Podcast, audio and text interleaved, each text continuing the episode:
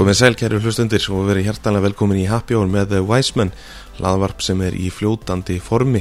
Að gleðum við að kynna nýjan dagskrálið í dag og sá heitir Kareflan það sem að umræðan snýst alfarið um léttvin eins og nafnið gefur til kynna. Mikið léttvinspenning hefur skapast á Íslandi undanferðin ár og fáum við í þessum þætti heimsók frá helstu vinsérþarengum landsins og krifjum léttvinsmálin til merkjar Nú, Karflan er í bóði GS Import. Hjá GS Import má finna glæsleist úval af vinglösum, vinkælifötum, borðbúnaðinni og nú auðvitað glæsilegum karflum að sjálfsögðu og þegar kemur að framlegslu á góðum og geðamiklu vínum en auðvitað að vera með glös og búnað í sama geðaflokki og vínið sjálft. En til að skoða það allt saman á Facebook eða heimusíðinni gsimport.is Ef matabáð er annars vegar brúðkaup, afmæli eða annað tilefni til að skreita með blómum þá mælir væsmenn með blómabúðinni Dögg í Hafnafyrði sem hefur verið starfræk í meira en 30 ár. Í blómabúðinni Dögg er einstaklega góð og fagmæleg þjónusta og er gestum þar mætt með einstaklega hlýju viðmóti. 15% afsláttur fæst þar ef þið segið að væsmenn hafi sendt ykkur á staðinn. Góð fólk, en þá að máli málana. Fyrsti gestur minn í karaflunni er svo sannlega einn helsti vinsérfræðingur landsins. Hann er vinþjótt og útskrifast sem framreðslumadur úr hótel- og veitingaskólum árið 1999 og á hann því 20 ára bransa amali um þessa mundir. Fræði sín lærði hann á Hótel Holti sem á þeim tíma skartaði stærsta og flottasta vinseðil landsins. Síðan þá hefur hann haldið áfram að bæta við sér þekkingu í vínfræði, bæði ellendis og á nokkrum af bestu veitikastöðunum landsins. Í gegnum árin hefur hann gengt likil hlutverki innan veggja vínþjónarsamtaka Íslands en um áraból ásamt því að keppa í vínþjónakeppnum við svegar um heiminn. Í dag starfar hann sem sölufutrúi og vínþjón hjá Mekka Wines and Spirits og er gestur minn einstaklega ljúfur og skemmtilegu maður og er ánefa einn mesti visku brunnur sem ég þekki þegar kemur að vínum. Svo líka einstaklega gaman að detti í almennt spjall við hann og er því sannur heiður að fá að kynna hann inn sem minn fyrsta gest í kariflunni. Sævar Már Sveinsson, ertu innilega velkomin í þáttinn. Takk hjá það fyrir. Hvernig hefur það? Mér lípar nokkuð vel. Það ekki? Jú. Þú ert ekki stressað fyrir þessu? Nei, ég hef svona bjána glottaður, þannig ég veit ekki alveg hvað ég á úrst við. Maður er bara að gera þetta í fyrsta skipti, sko, karifluna. Já, já. Sjáum hvað kemur Alltaf gott að vera, vera fyrstur hérna. Sko, Sævar, ég er búin að undirbúa mig mikið og leggja mikla vinnu í, í hérna, við undirbúning á þessum fyrsta þáttakarfli Mm -hmm. og ætlum að fara út um víðan völl í vínheiminum uh, fara hans yfir þinn 20 ára feril fjalla hans um gilda glasi sem nýlega fór fram uh, para saman vín með mat og svo framvegis en allra fyrst langar með að lefa hlustundum aðeins að kynnast þér betur og þínum ferli í veitingabrassanum uh, Varstu búin að gera það genið fyrir því að þú búin að vera í þessu í hvað, 20 ár? Nei, náttúrulega, ja, 23 og tilur náttúrulega með árin sem maður er að læra. Það náttúrulega er Já, já, já töluvert róstu samt, en nei, þetta er, þetta er töluvert, enna, töluvert tími ef maður pælir í því. Skemmtilegu samt sem var. er það ekki Jú, og hefur margt gerst á, á þeim ferli já, heldur betur. uh, Sko, það kom uh, margt áhör til ljós þegar ég gerði heimavinna mína og það ger ég uh, meðal annars með því að rannsaka Facebookið þitt. Facebook líður náttúrulega aldrei. Anskotin. uh, Hver var kveikin á því að þú ákast að leggja undir þig nám í framlýslu á sín tíma? Sko, ég fór fyrstu sinn þegar ég var 16 og fór í mentaskólinni Reykjavík út af því að ég átti að vera læknir. Það er samkvæmt eins og pappi mér saði Já, ok. Hann var læknir og hann að ég fór í MR og kláraði MR og eftir það þá var ég ekki alveg tilbúin að fara í háskólan og, og leggja undir mig námið því því að starfæðin lág ekki jafnvel fyrir mér eins og í honum. Já. það er stór partin alltaf að náminu. En svo líka uh, var allt annað í háskólanum ekki að heitla mig þannig ég ákvað að taka mig smá breyk og vann sem sendill og svona þingvörður á alþingi. Já, ok. Tók nýju mánuði þar og var fyrst í kallkins þingvörður sem var náttúrulega fyrir sendillin mjög var var í jakkafötu með, með kalltæki og labbandi með post á milli því þarna var alþingi ekki búin að taka upp e-mail. Já, þannig að segja til um hversu gamall maður er. En nei, þetta er sem sagt 95 Já, og ég er er bara svona millibýris ástæðana, maður er bara í vinnu og svo er ég að vinna með ymse fólki á nálaþingi og meðal annars er ég að vinna með honum Símoni gamla, barþjóni sem er þekktur sem Símon á nustinu Já, hann var sérst þar að vinna sem starfsmæður alþingi í, samvættu við laun og launaskrár. Hann sagði við mig daginn að þú ert svo þjónustu lundar og brósmeldi þú ættir að, ættir að fara í þjónin þú ættir að gera, gera það að þinni atvinnu. Já. og mér leist nú ekki dýla á þessa hugmynd og hann benti mér á ímsa aðla en meðal annars benti mér á að, að tala við upp á Hótel Holti. Já, ég fóð þá upp á Hótel Holt og það var tíðinu, það voru kannski 20-25 umsækjendur um sama starf eða sama, sama námið. Já, og mér var bara sagt að ef við getum by- byrjað að vinna núna næstu helgi þá ertu ráðinn.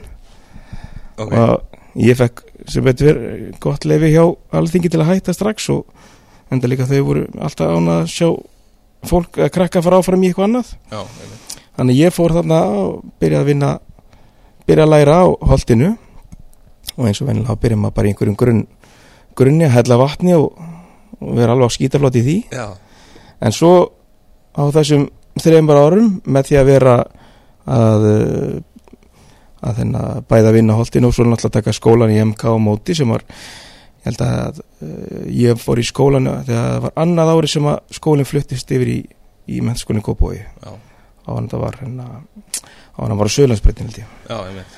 Þannig að ég tók þetta á þessum þreymar árum útskrifast 99 og eftir það þá hérna er ég búinn að vinna á þóðan okkur mörgur stöðum. Fór beint nýr á uh, skemmtistæðin Rex í Össustræti var þar í, í hennar nokkra mánuði og, og fór svo á skemmtvera skip sem hétt hennar Seaborn Pride. Og er í eigu Cunard skipalótans já, skilst reyndir að það sé búið að selja þessi skip sem ég var á til annars skipaflota en ok. þetta voru lítil skip 200 farþega skip en um 160-70 manns í áhöfn. Þannig alveg svona high class mjög mikill, já, mjög mikill standart á því. Og ég flög, flög til bandaríkina til Miami þar sem að, og til Florida svo, þannig að við skipi gera út í Karibi hafinu og Suður Ameríku og var í fimm mánuð á skipinu. Það er svona uh, í lengri, í lengri, lengri lög sem að yfirleitt er að fjóri mánuður og svo skipt í tveggja mánuð frí en ég var alveg búin eftir þessar fimm mánuð þar sem þetta eru 360 tíma vinnumánuður og hérna lítið líti, líti breyk og svo er náttúrulega djamin á milli eins og þekkir þetta. Þannig að við vorum við vorum sér satt uh, uh, flakkandar millir af fallir að landa og skaplega gaman að sjá þetta. Og þarna fekk ég að kynast í að meðlans að vera í starfi sem sommelier, ég mantaði sommelier og það er ekki alltaf hægt að ná í fólk af meilandir sem er meirinn þekkingu en þarna fekk maður að pröfa það og þetta var einstaklega gaman og skemmtilegt að pröfa það. Já, En svo þegar maður kemur heim þá byrja að vinna á sommelier brassir í við hverjaskötu sem að hann Haraldur Haldursson en að sér satt uh, var nýbúin að opna svo til. já. Það var nú alveg vel mannað mannaður staður. Já, jú, það var, þetta var skemmtilegt fó- starfsfólk í öllum, öllum hópnum og, og þetta var, þetta var eiginlega ein, skemmtilegsta svona reynslan í, í, í þessu sem að var svo senda mér að, að, að sér, sér, sér hæmingu sem að skipti máli er að, að para vín og mat saman því að Já. oftan ekki er best að drekka vín með góðum mat því að annars gerir ekki fullilega grein fyrir sér.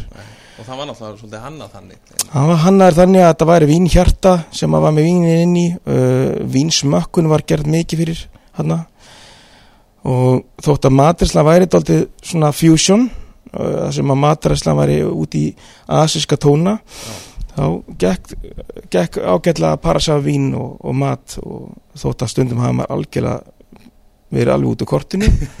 Rak, rak sig á það þurfti stundum að byggja góða vini hvernig bræðaðist, var þetta í lægi hjá mér? En maður letaði náttúrulega ekki að annað fólk heyra það. Nei, þetta en á þessum tveimur og ára sem ég var þar þá læri ég óskaplega mikið og náði, að, náði líka þar í tölverð sjálfströst til þess að tala fyrir fram á fólk og, og láta fólk svona uh, kynna fyrir bara hvað, hvað ég vissi en er ekkert beint al, almenn uh, kunnátt hjá fólki. Þannig að þetta er svona þessi grunnur Já, í vinni.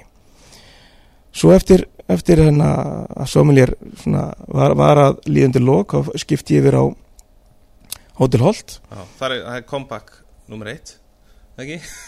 Jú, þetta er náttúrulega var kompakt nummer eitt þannig, ég var náttúrulega búin að, maður fer alltaf aftur tilbaka á heimaslunar en Já, já, þannig að best með þjónaðstaðan þótt að ég hafi nú verið sumar þjóttan eftir ég útskrifast þá, þá best með þjónastað þarna og var þar í um ár. En þá uh, komaði mér hérna menn sem að buði mér veitikastorastöðun á grillinu á Hotel Sögu. Já, það var Níels og hérna og fæðir hann sem að buði mér að, að taka við því.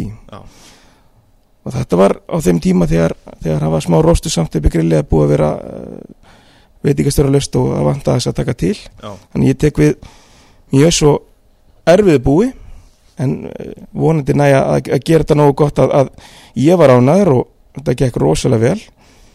Og það var góðu tími þar sem fór í, fór í hönd tæplega þrjú ár, tvö hálft ár. Og á þeim tíma kynntist maður mörgum flottum kokkum og allir kokkarnir sem að voru að læra þar eru núna annarkvort eigundur glæsilegra veitingastæða eða eða eða þeim er, þeim er betri missinni stjöndu kokkar og, og fleiri. Það sýnir svona aðeins hvernig standardan hefur verið, það hefur verið, já, bæði þá náttúrulega þá kannski á, á þeim tíma þegar maður var að læra holtin og svo líka þegar maður, maður byrjaði á grillinu að þá var ekki komin þessi fjölda af stöðum en á sama tíma var náttúrulega margir margir, hennar, margir kokkar að læra frábæra hluti og maður lærði þvílitt mikið af að spjallinu við við þá um, um pörun og þess og að maður segja að tíðrandi breytist mikið að kokkar eru viljið til að ræða við þjónana um pörun, þetta er ekki Já. þessi rígur sem að var eins og hann hann er glæsilegir strákar sem eru tilbúin að vera, vera hennar veitingamenn og en ekki, ekki Já. endilega svona að láta, láta eitthvað gamla ríga sem að fylgdu fylgdu yfirmönni þeirra mm, sérstöðet ráða sem að megan alltaf sens, því að þetta er náttúrulega inn í end, svona svo í sletti, að hag gestanins sem að, Jú, að sem sjálfsög, að, að sem að sjálfsög. snýst um, sko. heldur betur og svo hérna svo ákvað ég að taka uh, sagt uh, breytingu þar sem að á tímabili þá fannst maður eins maður geti gert neitt mikið meira með, með grilli það var ekki búið að breyta því og, og lagfara og þess og það sem að fara vera alltaf þreytt og maður fannst svona alltaf erfitt að vinna á stað sem að var glæsilur á kvöldin en þú vildir helst ekki fá fólk að á daginn til þess að sjá hversu sjapp þetta var orðið. Núna er búin að gera þetta alveg glæsilegt og virkilega flott að sjá. En þá hugsa með mér að það verið gaman að reyfa sér til og, og hann friðger yngi kom til mín ný, með, með nýjar hugmyndur um hann langaði til að flytja frá Fraklandi og uh, taka við sem einn hlutægandi á holtinu með hérna, ásand föðu sínum og, og hérna, sigmari og þeir ákveða að, að, hérna, opna, að gera, gera nýja hluti þarna þótt að sigmari hafi svo farið út úr þessu uh, eftir þetta þá hérna þá voru þeir hérna í, í góðan tíma að undirbúa virkilega flotta breytingar á holtinu já, og ég kem inn í þetta sem sagt uh, og er þarna frá ég ætla sér ekki frá mars 2007 og er þar í heilt ár. Já, á þeim tíma það náttúrulega er uh, nýr veitingastæð, nýjar áherslur og náttúrulega hápunktur hápunktur hennar góðærisins og, og já. gleðinar uh, í gaum þannig að vinna var mikil og álægi mikil þannig að á ákveðin tímapunkti þá hugsaði með mér að, að ég hennar lífistýsti meir en endalisa vinnu, Já. kvöld og helga vinnu að ég ákvað að sjá bara hvort það væri ekki hægt að breyta til og gera eitthvað annað. Þú veit ekki að áður en maður verður of gamalli væn og þú er ekki að skipta. Já, já, og svo eftir náttúrulega fjölskyldum að þér, Já, það er eins og segið, eins og við vitum það, ég ákvað, ég ákvað fyrir löngu síðan að eignast ekki börn og vera alveg upp með hálri hendi sko. Nei, uh, því að ég vil vera með þeim frá upphafi til enda enda líka er það besta í lífinu, það já. er börnin. En þarna sess að tætti ég á háltinu 2008 mars og það er náttúrulega bara rétt fyrir hrun, þannig að ég ákvaða að taka hérna sérst vinnu sem sölumar hjá rekstrarverum Já, kannski út fyrir mitt svið algjörlega en kendi mig mjög mikið inn á það hvernig sölumanns hugurinn á að vera. Öðruvísi heldur en þjóttni þú, þú ert með að, öðruvísi sölumennsku þegar þú ert þjóttn heldur en já, algjörlega. og að mörgu lítið þá hérna kendi mig doldið mikið inn á það hvernig ég geti beitt beitt sölumennskunni öðruvísi heldur en heldur en ég hefði stokkið beint inn hjá Mekka sem ég er að vinna hann í dag. Já. En talandi um sko einmitt þetta að, að fara svona svolítið út fyrir sitt svið þú veist, nú ger ég þetta sjálfur að fóra að vinna hérna, sem sölumæður hjá, hjá uh, kælitekni á sín tíma. Já, mér fannst það rosalega gott að fá svona smá breyf, maður verður oft svona svolítið fastur í þessum bransa. Já, já og það opnaði einhvern veginn svolítið svona nýja sín sko, þú veist. Þetta hjálpar rosalega mikið til, sérstaklega veist, ég fór kannski úr þjónum áður en ég var ég fekk aldrei leið á honum, fannst aldrei leiðilegt en bara áleið og vinna maður það mikil að mér langaði bara til að stoppa áður en þetta er því þannig að ég myndi horfa með gremju tilbaka Já, já. þannig að ég horfi bara, minnst æðislegt að starfa með frábæra fagmennum sérst hinni með við borði núna. Já, og það held ég bara ég fór ekkert ósint út í, mér fannst þetta, minn tími var komið þarna þetta var, þetta var góður og, ræða tími, mislengi sem fólk endist í sin alltaf já, en mér fannst þetta að vera uh, frábær tími og ég já, á gott aðeins að kúpla eins og maður segja þetta hálfbatinn slökti á ákveðnum hlutum heilans þannig að maður náði að, að hana, svona einu og annað. Já, en að sjálfsögðu, ma maður saknaði kvöld kvöld hasa sinns og, og, og vinnana um stund sko. Já, svo tekur náttúrulega annað við, algjörlega. Þannig að, leiði skipt á þess aftar þannig að hérna, já, segðu hérna, þannig að uh, núna ertu hjá Mekka hvernig kanntu við þig uh, við það, finnst þér svona fullnað þínum þörfum hvað vín varðar og þess að þar? Já, minna, já, miða við það, ég byrjaði 2000 og, 2011 hjá Mekka og mér líður eins og þetta hafi verið bara í. Já, Það sé nú síkvað um hvað hvað sé- fyrirtæki er gott þegar mann líður við það vel að, að tíminn líður að hjá á þess að, að mann finnst vera búin að líða. já, klálega Nei, þetta er eitt, eitt, eitt besta fyrirtæki sem ég er nokkuð tíman unni hjá og, og, og eitt skemmtilegsti starfsandinn. Hver einn og einasti einstakleikurinn inn er fagmaður og, og er, er starfið sínu vaksin. Mikið og flott yfirsýn, mikil aðstóð ef maður vantar og möguleikana til að vaksi starfið eru gríðalir. Já, Þannig að sem fagmaður, sem, sem hann að, að bæta á, á sig kunnótt þessu, það, er- það er, hvað til allra þessara hluta. En hvað var það eins og vínmál? Vínmálin eru náttúrulega þannig að við erum með ákveðna byrgja sem við erum að versla af. Og á því þá náttúrulega væri gaman að uh, er gaman að smakka alls konar vín, öll vín. já, En eitt sem ég lærði á því að vera í sagt uh, fara yfir til Mekka er það að ég tók að fór skófa aðeins, skófa aðeins að með snoppið ég var bara komið með ágæt, ágætis hugmyndur um hvaða vín eru góð og hvaða vín eru vond. Já, ég nota þetta koncept um vín eru vond. En það er bara málið það að þarna var ég bara ekki búin að átta með á því að það er vín fyrir hver tækjafæri, hver tilefni þótt að sé ekki kannski fyrir já, að þú getur fengið vín sem að þau finnst kannski ekki alveg hæfa þínu standard en það getur verið frábært fyrir aðra mannesku já maður þarf að lesa í það hvaða vín passa með hvaða tilefni fyrir hvern einstakling. Þetta er svo vel sagt sko, ég er eins og gæs á þetta Þetta er bara alveg rétt hjá þér. Þetta er bara máli að þótt að þú set ekki hrifin af sætum rósavínum þá er tilefni til, þess að drekka rósavín við á heitum sóladegi út á palli og mikið af því er er akkur það sem fólk er að gera. En að skemmtilega líka veit er að, að, að hérna, finna bara hvað bæði hvað veit hvað mönnum vantar, hvað, hvað matseilin heimtar, hvað vín maður á, því að ofta en ekki eru vínin sem er verið að nota í pörunum og svona, þau öll þau verða að hafa ákveðna hluti í sér sem að passa á móti matnum. Já, já, og maður getur fundið þessi, þessa hluti í fjölmörgu vínum. Þótt að sé alltaf gaman að vera með sérstök vín og sp- spennandi vín þá að vera líka að vera með vín sem seljast. Já, því að maður er ekki í þessum bransa til þess að, til þess að kynna bara nei, nei, að vera að selja. Nákvæmlega. Sko, við viljum að við að fara að ræða um vín. Uh, og í dag er, víst, alþjóðlegu dagur Merlot þrúðunar Ertu Já. almennt hrifin af, af Merlot vínum? Ég er hrifin að í, á, já, í ákveðnum vínum þar sem að þau eru oftan ekki blönd eins og allir í góðum bord á vínum það sem Merló er ein af aðalþrúinu þar á móti Cabernet og þegar hún er stendur ein og sér þá finnst mér Merló yfirleitt skemmtilegt frá Ítalíu. Já, ok. Merlói frá bandaríkinn verður mjög góð en þau verða fjölbreyttari og floknari frá Ítalíu. Þannig að góðu Merló frá Toskana til dæmis á meira útlista sem er eins og Super Toskana vín. Alveg frábær það er hægt að fá Merlóin á öðrum stöðum í Ítalíu en ég verða við ekki ég hef ekki smakkað frá mörgum stöðum í Ítalíu Merló. Já, að norður Ítalíu er mikið að nota Merló en það þarf að fara aðeins upp, upp í verði til þess að finna betri vínin. Ok. Þegar í kaldar lofslæði þá verður Merló daldið, daldið ríkur, moldakendur. Vantar kannski ávöxtu stundum. Þannig að þegar út með þetta frá heitar löndum eins og bandaríkinu þá græður að því að sultaði tóninu þar hjálpa vinnu Ok Sko Merlot uh, er auðvitað ákveðin tegund af vínþrúu svona fyrir, fyrir þá sem að er að læra það. Uh, sem reynda var fyrir stór skada eftir myndina Sideways hér um árið. Já, fyrir þá sem að mun eftir þeirri ágættu myndi Sástu Sideways? já, já hún fínast að ræma sko. Maður kann yfir henni og fengi sér í, í glasið henni Já, nákvæmlega.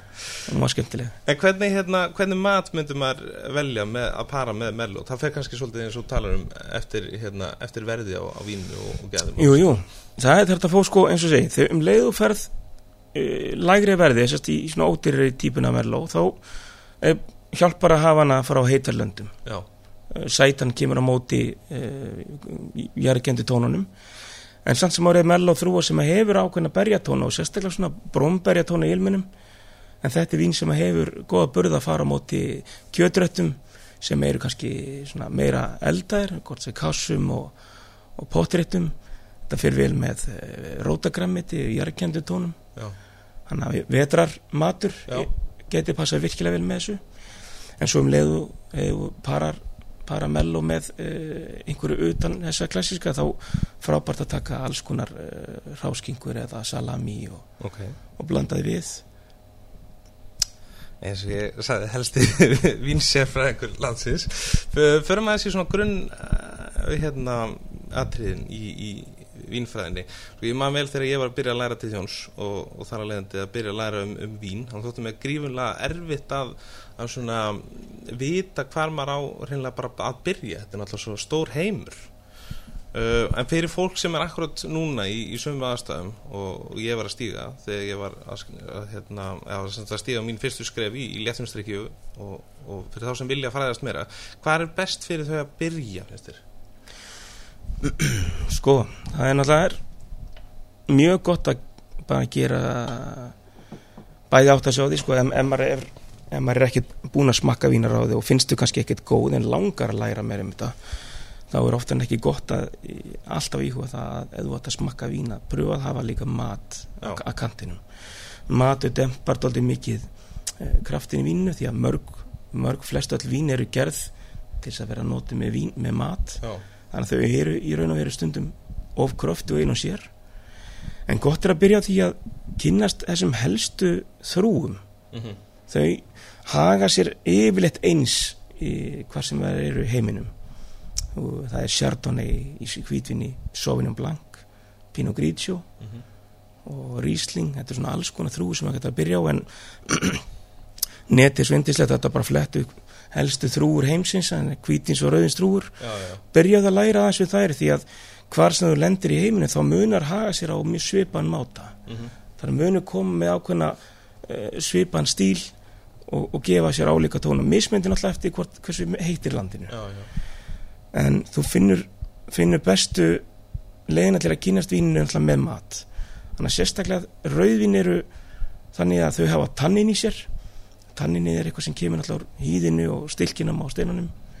Og það er eitthvað sem passar betur á móti uh, mat. Og þú, þú paraði vel á móti kjöti eða eh, feitu svona feitum réttum. Þannig að pottiréttir eða góða steikur eins og það er ástæð fyrir það góð steik með góðri fytu og salt yfir passa vel með tannir ríku og svona kröftu rauðinni já, já, því þetta er bara, þetta lætur áhrif tanninsins vera mildari. Já, það er eins og tanninni mildast en í raun og verið þetta bara ákveðin efnafræði.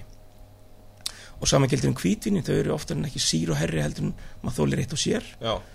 En ég myndi segja fyrir mitt leiti að, að, að sírustíðið í hvítjunum er hægt að dempa með, með mat og, og hafa allans salat með tómötum eða lauk eða eitthvað svona vínagrætt sem hefur síri í sér. Já. og það dempar aðeins rostan í hvítjunum og þá finnum maður að víni verið mikra þannig að þetta er ákveðin leið til að bara að byrja á þrúunum einföldum útgáfuna á því. Og ég myndi alltaf segja fyrir mitt leiti að best er að kynast vínunum frá Evrópu fyrst. Já, ekki fara á djúft og í hverja einustu uh, hverja eitt einasta hérað. En kynast bara þrúum frá Evrópu því að þrúunar hafa svo farið frá Evrópu til annar landi í heiminum já. eftir að þær eru búin að vera þar í þó nokkuð langa tíma Já, já, nákvæmlega uh, Já uh, Sko, sem betur fyrir var ég náttúrulega svona sæmilega fljótur að detta inn í þetta uh, og það er svolítið að því að ég var náttúrulega með mjög góðan kennara á sín tíma sem að hamraði þetta í okkur. Hún þekkir hennar vel líka. Hún er stórum vinkun okkar og, og heitir Alba. Já, nákvæmlega, hún er, hún er alveg indisleg hún er viskubrunnur. Þannig að ég skrítið skuli velja mig fyrst. Uh, en talandum að, að byrja eitthvað staðar uh, og talandum að byrja frá hérna uh, vínþrúum ég man, ég skildi aldrei hvað, hvað þrúur voru annað en, en snjóþrúur þetta er mjög, það mjög oft verið að spyrja mig hvað eru þrúur og ég þarf að útskýra alltaf að það eru bakka og segja þetta eru vínber. Já, nákvæmlega. Þetta er þrúurreiðinar Já, það alltaf snjóþrúr kannski eh, kannski einna helsta því ég ólst upp í Nóri ég reyndar að þekki engan 17 ára sem að veit hvað snjóþrúr er í dag frekar en já, þrúur, förum aðeins í þær. Uh, tökum aðeins eina vínþrúr sem ég finnst svona, förum aðeins að ræða nánar og súþrúa heitir Rísling ofta Já. ekki tengi fólk Rísling við eitthvað sætt. En það þarf ekki nefnilega að vera það. Nei, nei, ástæða fyrir, ástæða fyrir að Rísling hefur oft verið tengt við svona sætara vín er, er kannski út af því að á Íslandi þá uh, hafa verið flutt inn uh, vín frá Þýskalandi til dæmis. Já, og þetta byrjaði byrjaði að daldið, daldið þannig á því að, að, að Þýskaland var að gera um ára bil mikið af víni fyrir bandaríkjamarkað sérstaklega sem var mikið inn í sætum þýskum vínum og ríslingum meðal annars. Mm og eftirspunni var þannig að þjóðverið að ég kerði yfir alla vingarna sína með allt og mikið af vínvið og allt og mikið af uh, svona vaskendum vínum já, sem eru þá bara sætar verið vikið eða eru bara þunnari við fórum ekki að varhuga þessu og fengum hluta þessum vín til okkar þannig að vínin voru í sætari kantinum frá Þýskalandi. Rísling er náttúrulega þannig uh, gert að þú getur búið til frábær gæðavín og eiginlega langlífustu langlífustu hvítvín heims eru Ríslingvínin ok. Þannig að þau eru vel gerð frá góðum framlegnd á góða ári Já, þá getur þau ofta en ekki látið Ríslingin lifa áratugum saman. Ok. En þetta er einmitt, Þískland fekk smá afróður hann á leismarhauður og þeir þurftu að breyta og bæta hjá sér. Þannig að þeir ákveða að rífa upp og lagfæra eftir að bandrækjum með fengur nóg af þessu vín og fór yfir í að gera sitt eigi Chablis Já, og vildu fá Chardonnay þrúna meira. já, Þannig að þá þurftu þeir að taka til og þeir fóru að vanda sér vel við þetta. Þannig að núna í dag gera þjóðverðar í bland þessi sætu auðdrekkaleg vín, já, gera þeir mjög uh, þurr og, og glæsileg. ok. Þannig að þeir gera alltaf glæsileg vín bæði sætín og þurrum en ofta en ekki hefur hingað til lands komið víni sem eru bara sætari svona ódýrari vín. Já, og þá lendir í því að vera þessi sullvín ofta en ekki víni sem fólk byrjar á. Já, já, aðgengilegt, þægilegt að drekka. Og oftar en ekki ódýrt ódýrt út að láta áfengismagn. Það fylgir því að þegar út með láta áfengismagn þá færðu sætara vín. Já, já, já.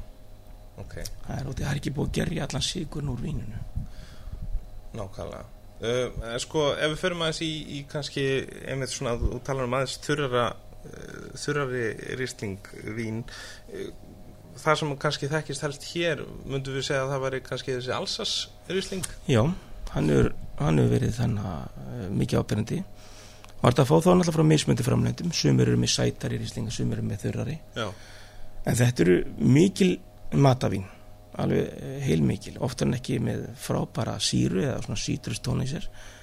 Passa svo vel að móti öllu því síru eða sítur sem er sett í matinn. já, já, Sem er tölverð þótt maður finn ekki fyrir því, út af því að yfirleitt maturinn balanseraðar eins og, eins og bara góðu koktel, eins og það já, Maður finnur ekki fyrir hlutunum því að það er út með rétta balansinn. En það er samt sem var að koma með eitthvað móti. Og með allsast reysling þá ertu komið með ákveðin ilm sem að, og líka í Þískulandi sem að, sem engirist af svona eins og, næst eins og svona steinóli ilmi, þetta er svona petrólium já, tónar og þetta, þetta er annarkvort svona eitthvað sem að, ilmi sem að fær fólk til að, að segja nam, nú er nokkar að pröfa þetta eða þá að stökkva tilbaka. ok Þannig að þetta er ekki, þetta er ekki allra, Nei. en þetta er samt vín sem að, maður verður að pröfa með mat Já. áður um að segja nei. Sko, nú, sérst núna, ef við tölum aðeins um, um alsasvínin, sko, flöskunar þar, þær eru alltaf svolítið öðruvísi, yfirleitt eða ekki. Jú, það er kallað svo kallar flautur eða flút. Já, og það eru náttúrulega það eru svona í læginu út af því að það náttúrulega eru alls var í tvígang hluti af Þýskalandi í gennum styrjaldinar Já, þá erum við að tala um Alsas í Fraklandi Alsas í Fraklandi, norðustu Frakland alveg með landamæri við Svartaskók þannig að þegar þú ert með þannig strísa átöku þar sem þú flakkar á milli landa. Já, maður sér það þegar maður kemur til Alsas að byggingarstílin er í þýskum stíl. Matagerðin er dálítið mikið í þýskum stíl en vingerðin er á öðru leveli. Þau eru, þau eru búin að uh, sérst, fínir sér að mikið af vínum sínu þannig að það er, maður getur fengið tölvert þurrari vín og tölvert svona oftar en ekki þykkar og bræðmeri vín frá Alsas heldur en í Þísklandi mikið, mikið þökk er uh, fyrir hérna fjallkarinn sem þar hliðina sem að hindra mikið af vætunni Já. að komast yfir þannig fá svona lítið paradís fyrir vínræktina hita og sól en þannig er þannig er þetta komið uh, náttúrulega flöskur sem eru notað líka í Þísklandi, henni með við landamærin og þá eru þessar, þessi stíla flöskum að nota, nota hana þessar löngu mjóu flöskur Já, einmitt, einmitt. Uh, Talandu svæði, uh, hérna, sko, þrúur eru oft uh, hérna, tengdar við ákveðin svæði, ekki satt? Jú, í svona í grunni þú ert að tala um hvað, hvað er hvað eru be- bestu svæðin sem enginn að þrú Já. Finnst þér, þú veist, gerir fólk sem grein fyrir því að vín úr sömu þrúu séu mismunandi eftir svæðum, finnst þér? Þú veist, eins og ofta á fólk til að segja að ég þúl ekki Chardonnay, en Já. það er þetta tölur munur til dæmis frá Chardonnay frá Chile og, og, og Chablis í Fraklandi til dæmis. Jú, jú, tölufur munur Þetta er náttúrulega akkurat jarðugurinn og, og, og, og, hérna, lofslæði sem skiptir mjög miklu máli náttúrulega og líka hvernig náttúrulega rektar þrúuna Já. hversu mikið, mikið magnaf vimberjum þú vilt hafa hverjum vinn við og hversu koncentrerað og kraft mikið bræð þú vilt hafa Já. en í raun og verið þannig að, að Chardonnay sem að eh, er gerð til dæmis í Burgund, í Chablis og í Fraklandi hann er ekki öllum tilfellum eikar, hann er oftar en ekki núna óeikar og, og jarðvegurinn gefur mikið bragði vínið eins og Chablis er ofta að fá óeikað. Já, já, og þá er jarðvegurinn það kröftur hann gefur nógu mikið bragði vínið þú þarft ekkert af eikindis að stýðja við það. Já, það er ekki fyrir að þú komin yfir dýrar vínin að, að, þau, vir, þau virkilega njóta góðs að, að fara í eikina. Já, svo ertu með Chilevíni sem eru náttúrulega að bakast í 300 daga á sóla ári. Fá þessi mun meira magna af, af, af sigur heldur en, eh, en góð hófi gegni kannski. Þar lendi þegar þau eru gerðið alla leið þá eru það alltaf með smá ágangssveiti þannig að þau eru alltaf svona oftar að svona hálfþurr. Já, en það gerir það verkum að þau eru auðdrekkalegri ofta, ofta tíðum já, en þau eru oftar en ekki sett í já, til þess að gera þau veiga meiri eða aðeins þingri og það er oft það sem það fólk tengi við Chardonnay til dæmis er já, að þau vilja ekki kannski fá þetta eikarbræð já, sem að kemur frá, frá tunnunni. kemur frá tunnunni. Já.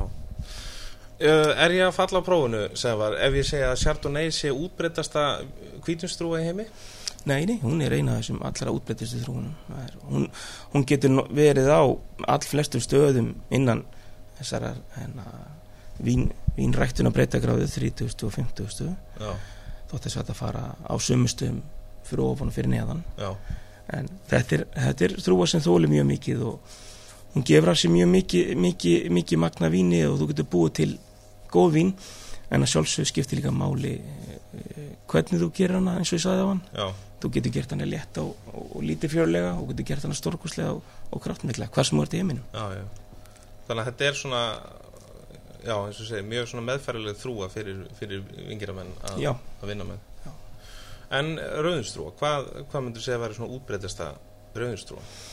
það er náttúrulega hann Já. myndi ég segja þetta er svo þrúa sem eitthvað hargerðist og, og þólir, þólir breytt og, og, og, erfitt lofslag hún er með þykk, þykka húð sko, þykk, þykka þykk uh, og mikið, mikið litur í, í berinu í hýðinu þannig að þú færið kröftu og, dökk og mikil rauðvín. Já, þótt að liturinn segir ekki alltaf til um það þá segir það náttúrulega mikill litur í rauðvinni segir oftar en ekki til um að víni sé uh, stamt eða svona með svona tannin í sér. Já, já, það fylgir oftar en ekki því að víni fá mikið lit í sig já, en þetta er svona hargjara kröftu þrúa já. Talandi um einmitt lit, sko, nú er náttúrulega önnur þrúa sem er kannski mjög, mjög þekkt uh, sem er með svona heldur, eða hvað ég segja, svona léttari, eða svona glærari, hann er ekki eins svona dimmur, uh, rauður litur, uh, það er Pinot Noir. já, ég mitt það er svolítið vinsæl þrúa, finnst það ekki? jú, hún er fann að vera vinsæli hérna heima heldur en áður Já, það er kannski líka út af því að eins og sé þetta breytist náttúrulega með meiri vín áhuga og meini vínþekkingu hjá fólki að alveg eins og með koktelmenningin blæs út Mhm. þá er það sama sem gildur um vínin að þegar fólk fær áhuga einhverju þá fær það kannski að kafa meira og það þekkir líka meira til þegar það mm, fer að lesa sér til á netinu og, og smakka. Já, en Pinot Noir þrúan er þannig að hún er hún er vassmeiri og hún er ekki með sama sama sumi dökku litræfnin og, og Cabernet Sauvignon þrúan hefur já, til dæmis. Þannig að þú færð ekki jafn dökkan lit á vínið. Mhm. en það sem þrúan hefur umfram Cabernet Sauvignon er það að þú hefur uh, kraftur í, í fjölbreytari ilm heldur en og kannski, kannski flóknasta uh, ilmin á Mhm. móti því að þú ert með vín sem er jafn gott að ilma af eins og að drekka. Þetta er, já, víni getur verið það indislegt að þú langar ekki að klára á glasinu já, meðal. Þannig að þú ofta ekki þarf pínu nú að fara í glös sem eru aðeins lokaðri efst uppi, Já, svona hálfbatan eins og já. Það hjálpa til við að halda uh, ilminu í glasinu því að þau eru doldið rókjöt, þau svona vilja svífi upp á glasinu. Já, þannig að pínu nú er viðkvæmin hún gefur að sér óskaplega mikið af, af ilmi og, og, og góðu bragði. Þótt að bragði sé mildara þá er það langt frá því að vera lítið og, og stutt nákvæmlega. Talandi um emitt, sko, það sem hún segir með, hérna, með glösin.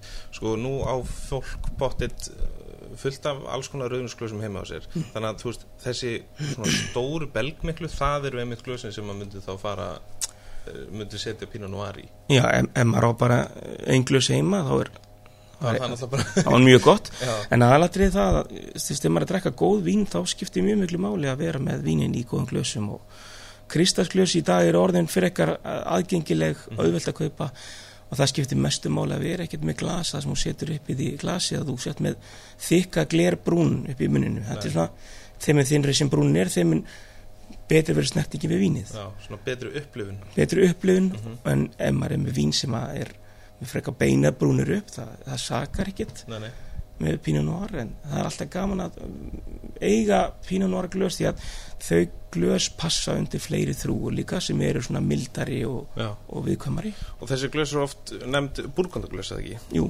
eftir í mitt Burgunda hérannu, Burgon í Mm -hmm. Fraklandi sem að Pinot Noir þrúin er allsráðandi í rauðinni Já, nákvæmlega Þetta er mjög skemmtilegu fróðleikur og þetta er náttúrulega gaman hvað fólk er einhvern veginn eh, eða svona uh, bæði vingirðar uh, menn og, og náttúrulega glasaframlöndur eru farnir virkilega að, að pæla í hvernig þeir fá það mesta út úr víninu í Já, já. glasinu sko. það er, þetta, það er komið glös eins og við vorum talað um rísling á hann það er náttúrulega eru glös sem að eru þannig mótið að, að þegar þú leggur glasið upp í munnin þá leggst það svona eiginlega á tunguna með svona, með svona brúninu út á við. Já, þannig að þú færð vínið á réttu staðan á tungunni.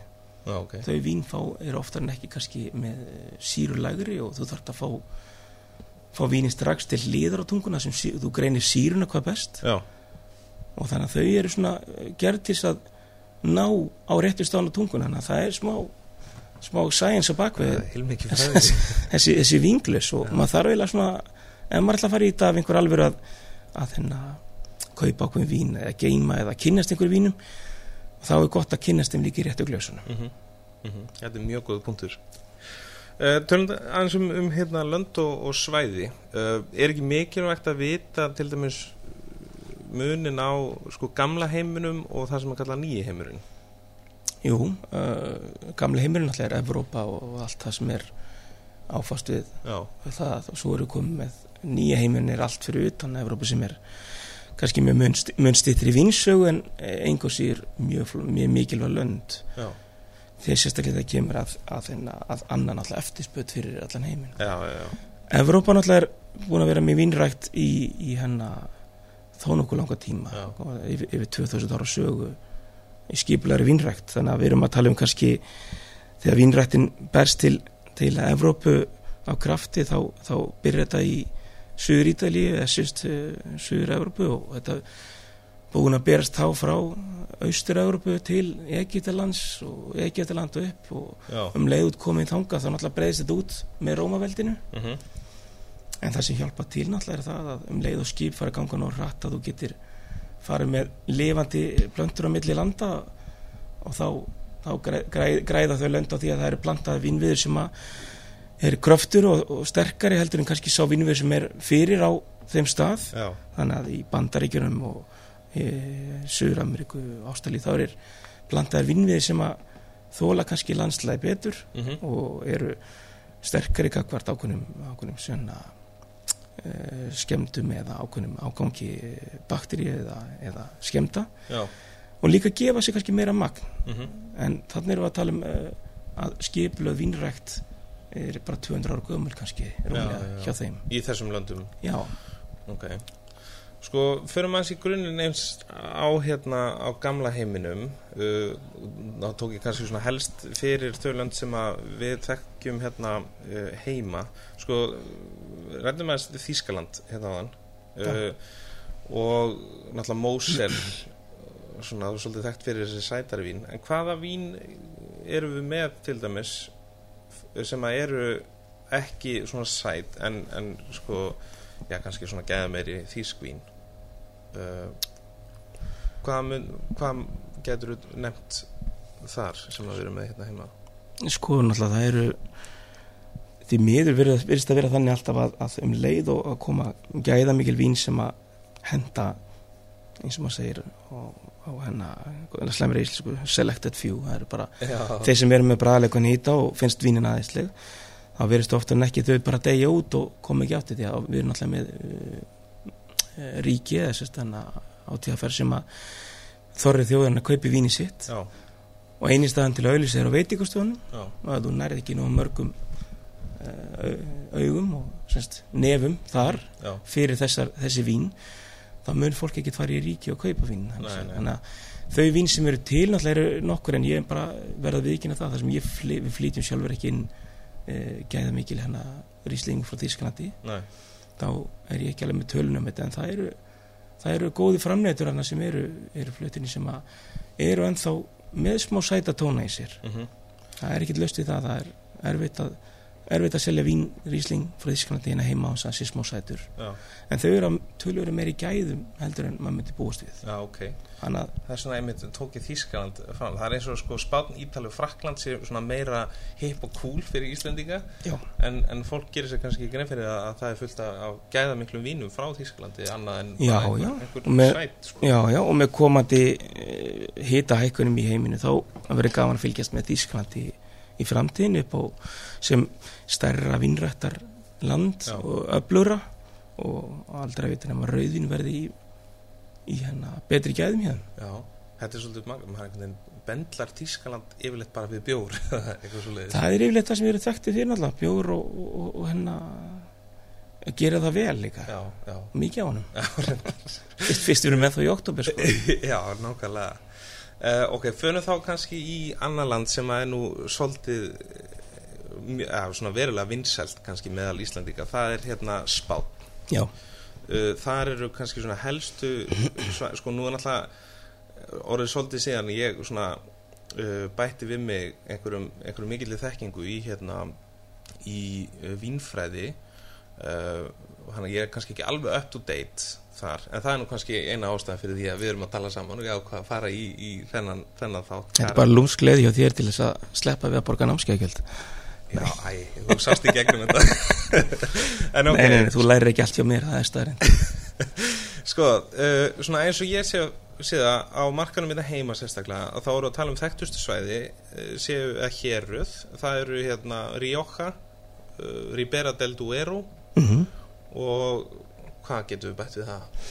sko við erum með, náttúrulega, já, Rjók og Ríbera þú eru hann í norður norður Spáni og, og Ríbera hann bara stutt fyrir neðan það. Já, við erum með í norðaustu hluta en nor norðuðuna vestu hluta landsins eh, bara beint fyrir án Portugal erum við með Rías Baxas já, sem er hér að sem er virkilega þekkt fyrir að gera gæðamikil kvítvín já, og það er eiginlega eitt besta svæði fyrir kvítvinskerð á Spáni.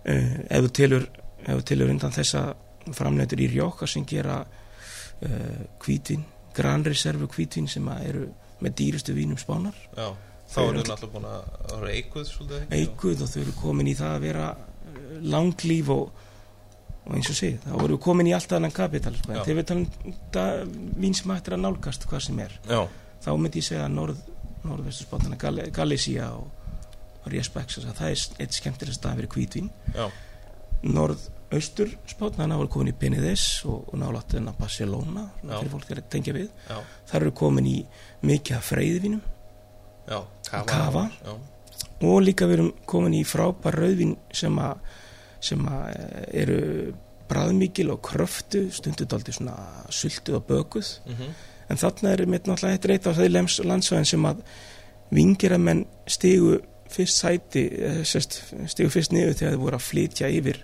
Pyrinafjöllin frá Fraklandi til þess að reyna að forðast ágengar rótarlús sem að vara eða allt í Evrópu. Heldur við geti labbað burtu frá henni en löpuð bara með hana með sér. Já, frábært. Þannig að þeir alltaf hefði nýtt líf á Spáni en þeir þurftu að takast af við hana þar. Já, svona það ertu komin í, í svona fjölda fjöldan, sérst, mesta magni sem er framleita víni á Spáni, þá ertu komin til La Mancha, sérst, miðju Spánar. Ok. Og hérna Castilla þetta er svona svæði sem er að gera mikið magn mjög mild og ljúvín oftar en ekki mjög góð. En eins og sé það er ekki þessi sami kraftur og finleit sem þú finnur frá norður hluta spánar því að Já. þú ert komin í meiri hita sem gerir alltaf víni að liti sultar og það er alltaf erfitt að gera e, finleit vín í svona söðu hlutanum Já, svo má ekki gleyma náttúrulega síðsnýri þá eru komin með já, það sem sherry er búið til. Nákvæmlega. Og sherry náttúrulega er eitthvað sem er kannski meira drukki hér í gamla daga frá frá ömmum okkur öfum og, Já, já, og þess en það er góð ástæð fyrir því að nefna sherry því að er einn skemmtilegasta börum með ákveðnum, ákveðnum mat.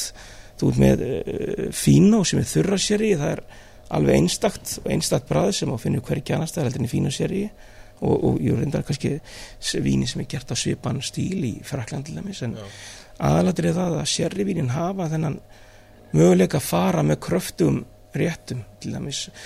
Þeirra besta besta pörun spánverðarlegs með góðu vanilísi er bara að hella sætu sherry yfir. Já, þannig að það þarf ekki verri það þarf ekki öðru sér í sósveldur en það. Nei, nei mér er svolítið einmitt svona á- áhugavert uh, sem þú talar um að, að sherry hafi verið svona það er svona svolítið eldri kynsluðin sem hefur verið þekkt fyrir að drekka já, uh, en svo einhvern veginn, ef maður horfir hann svolítið heim að þá á undvartum árum hefur sherry verið að eiga svona algjöra endurkomu í koktelagerð það er bara málið þannig að komið með mm, bræðmikið og flókin sætan vökva sem að getur gert hvort það sé Ramíresin eða, eða Old Fashionedin eitthvað spes eða þú getur bætt einhverju við koktelin sem að þið kannski vantaði Já. eða langaði að gera. Já. og fyrir þetta það náttúrulega að- sherry og, og, og port tunnur þetta var eitthvað sem náttúrulega uh, skotar nótu mikið undir viskiðin sín. Og þegar þeir voru þegar fólk fór að hætta að drekka sherry og porta sama skapi þá lendir í vandara með tunnuna sínar og Já, þannig að þeir eru fattin að að eiga eiga sínar eigin framræslu bara til þess að geta fengið tunnunar Ætli einhver, svona, þetta var bara þetta í hausum mér, ætli einhver hafi sagt feng, einhver serjuframeldi klikkaður, hafi fengið tunnu tilbaka eftir að að hérna hafa selta í sagt viski, undir viski fengið tilbaka og sett síðan serja á það aftur nú veit ég ekki því að væntala myndi það ekki flokkast undir uh, löggjöfinni og þess að þar en ég skal ekki segja það, mér finnst það hálf kjánlegt að vera ekki búið að gera. Já, sérstaklega ef það er einhverjir ný, ný, ný kynsla sem er að taka við búinu. Já, mikið er um að, að vera að fara með tunnu fram og tilbaka í sterkvins og, og léttins eða hvað þá bjór. Já, já, já, bjór þannig að mér finnst þetta bara alveg tilvalið. Þetta er ekki hugmynd. Já, já, mjög svo. Við förum í þetta við, við erum öruglega ekki fyrstir með þetta sko. Já, já, ok. Herði, ok, hvað þrúur uh, á Spáni eru svona hvað, uh, já, svona fyrirferðað mestar ef við tökum kannski bara rauðvinstrúur Uh, það náttúrulega myndi vera Tempranillo. Tempranillo þrúan er kannski hún er útbreytast að þrúan á Spáni hún er þrúa sem heitir Tempranillo í, Rjója en svo skiptir hún um nafn milli hérana og þú komið með nafni Tinto Fino Tinto del País eða Rauðinstrúa landsins. Já, hún breytir um nafn allstar það sem hún fer sko. Þetta er svona þeirra, þeirra díalekta, þeirra, þeirra útgafa af þrúunni en uh, auðvitað náttúrulega getur hún breyst í einhverjum uh, atriðum í, í bragði en náttúrulega mismöndi hversu lengi hún er búin að vera í því landsvæði hversu öðruvís hún er, gefur af sér. Já, já, en tempra nýju þrúin er skemmtilega til þetta hún gefur mikið svona krytta, svona pipraða tóna gefur uh, bræðmikil langlífín Já. í mjög flestu tilfellum. Og uh, þroskin í vínunum er þannig að, að, að þú færð þú færð svona karamellikendar þú færð sultari og fíkjutóna og þú færð bara vín sem eru alveg einstaklega góð með aldri oftan ekki getur þú fengið líka mjög ung og, og glæsileg vín með sömu þrúu Mhm. á samaskap jafn spennandi. Uh, förum aðeins yfir til Ítalíu. Þekktustu svæði þar, hvað, voru að segja hvað, Toskana? Já, Toskana, fyrir, fyrir, fyrir en okkur Íslendinga það náttúrulega myndi Valpolicella vera eitt af, eitt af þekktar í svæðinum þar sem að Valpolicella svæði gefur á sig vín sem að hafa heila Skandinavíu hvað allra mest. Já, mest seldu vínin uh, í þessum löndum eru frá Valpolicella þar sem að þrúum Corvina gefur á sér opaslega mild og mjúk vín ok. aðgengileg, svona kissubra tónar uh, já, auðdrekkanleg. Allavega yfir það vera náttúrulega mjög kröftu vín eins og, eins og Amarone vín til dæmis. Já, já, en við erum með alltaf það er í Norður Ítalíu og þar fóður þess að sætu sultu tóna í víni með því að þurka þrúnar aðeins já. Þannig náður að berjast við það að þeir eru kannski ekki með heitasta svæðið Mhm. en þeir gera víni sín vega mér með því að þurka þrúnar aðeins. Svo erum við með Toskana eins og nefndir Mhm. og það er kannski það sem kom Ítalíu aftur alveg á kortir er svona super Toskana vínin sín Já, þar sem þeir eru að fykta að blanda saman frönsku vínu með ítölskum. Ok. Við erum með uh, Piemonte svæði sem er næri Fraklandi og fyrir ofan hennar Liguria strandina þannig eru komið vín sem að framlega ein langlífustu vín Ítalíu, það Já. er Barolo og Barbaresco vínin Já, í rauðinni við erum með uh, þegar sunnadregur er komin alltaf mjög mjög mörg og uh, frábær vínrættasvæði enda líka er er Ítalía með einna mesta úrval af vínþrúum uh, lands, allra landa. Já fjölbreyta þrúur og þeir vilja helst ekki fara, nota sömu þrúur og nærleikjandi héru því að það er bara, í gegnum tína er bara búin nota ákveðna þrúur og Já, þeir eru bara á, ripnir af því að nota, nota söguna og hefðina Mhm. og ef maður fer til þess til Sikilei og, og, og hælnum á Ítali ef maður lítur á Ítali sem stígvil þá Já. Pú- Púglía og þessi svæði eru með vín sem eru einstaklega mjúk aðgengileg, oft svona þátti sæt og sölduð en það hendar okkur og með jólamatnu villibráni sem við erum alltaf að hella nóg og sós og nóg og söldu yfir já, já þannig að það þarf að taka sætt á móti en Ítalið er mjög fjölbreytt og, og hvert einasta hér hefur sína sérkenni og sínar spestrúur þannig að þú getur auðvitað að fara í gennum öll vínhjörinn á Ítalið og þú ert, uh, þú ert búin að smakka yfir mörg hundru víntegundir, vínþrúur Já, já, já. Þannig að, en svona, þannig að það er erfitt kannski að segja hvað eru svona helstu víntrúur. Já, Sangiovese? er er náttúrulega í Toskana mjög, mjög hennar mikið notuð borsin er í léttum og þælum kjanti vínum allar leiði yfir í bræðmeri og kraftmeri vínin sem að koma frá Montalcino sem eru Brunello það? Mhm. það eru vín sem að á samanskapi eins og vínin frá Piemonte geta lifað mjög lengi allt undir 20 ára á góðum árgangum stundu lengur svo þeir verið með eh, eins og í Valpolicella Corvina þótt að vínin þrúan kannski er minna þekkt meira svæðið. Já, við erum með Nebbiolo þrúna frá, frá Piemonte, frá norðu Ítalíu. Það er þrúa sem er tekin seint inn og, og, og gefur af sér þessu kraftmiklu og, og flóknu ber. En við erum líka með uh, í söður Ítalíu erum náttúrulega við með Nero d'Avola. Já, við erum með Primitivo. Þetta er þrúna sem gefa sér sætu söldu vínin og eins og sé, þetta er svona helstu kannski stóru vínin sem hættir að stikla og í, í hvítvíni þá er það Pinot Grigio náttúrulega gefur þessi létt, aðgengileg eh, blómleg ekki kannski kröftugustu vínin en, en eins og ég sagði, fyrir mismundi tækifæri þá eiga vínin öll sens já, já. Talað um kvítinstrúur, Pinot Grigio, er það, sko, Ítalinu mjög þekkti fyrir þá þrúu, einmitt? Jú, þetta er, þetta er rauninni sama, sama vín og sama þrúa og uh, Pinot Gris í Alsas. Mm náttúrulega búin að aðgreinast með nokkur undir árum og eitthvað búið að breytast í gennum tíðina hvernig, hvernig vínin e, breytast. Hvort sem það er með, með einhvers konar klónun eða þess áttar og svo er líka jarðvegurinn og loftslægið þetta er allt saman breytið þannig að nú ertu með í hérna alls að settu með uh, svona hunókstóna út með uh, trópiskan ávöxt með svona þykk og mikið bragð í Pinot Gris. Já, og stundum út í sætatóna á meðan þú farið Pinot Gris í Ítalíu uh, ofta en ekki þurra mikinn sítrus mhm, hvít blóm í ilminum en yfirleitt mun lítil fjörleiri já, já, á svona góðan hátt svona létt og aðgengileg en þau eru ekki ekki jafn langlífi eða þau hafa ekki jafn, jafn langa, langt eftirbræð til dæmis. En það er svona þægilegt, uh, hvað, ef að segja nota dólu, svona pallavín já, svona everyday wine, svona vín, Já. vín fyrir hvað hva, hva tilefni sem er mm -hmm. ef þú myndir setja þetta með mat þá myndir maður halda sér í léttari í kantinum Já. léttari skellfiski, sushi Mm -hmm. það er ástæð fyrir það náttúrulega Pinot Gris er orðið vinsætla núna undanverðin ári er út af sushi svona áhuga Já, já, því að þú vilt ekki yfirkera sushi með og flóknum vínum þó að það sé alveg heiklust að taka rauðin með sömum réttum mm -hmm. í, í, fyrir alltaf eftir bráðurinn sem fylgir sushinu Já, og hægt að taka uh, kraftmeri hvítvín að svolsögðu já. Þetta er búin að ná, maður sér svona á Íslandi að þá er Grigio, það er svolítið svona Grigio æði. Það er náttúrulega kannski líka út að það er eins og nefndir þetta er, þetta er eins og nýja þetta er eins og nýja ríslingi þetta er, já, þetta er auðvelt að drekka þetta. Já, já, þetta er þægilegt en það er gott að sjá líka að brálaukar er að fara meir út í já, það er leiðandir minna stittra stökk yfir í, í hana gæðamiri þurrvín já, og að mörguliti þá er henn að Sónum Blank þrúan líka að riða sér út í rúms meira.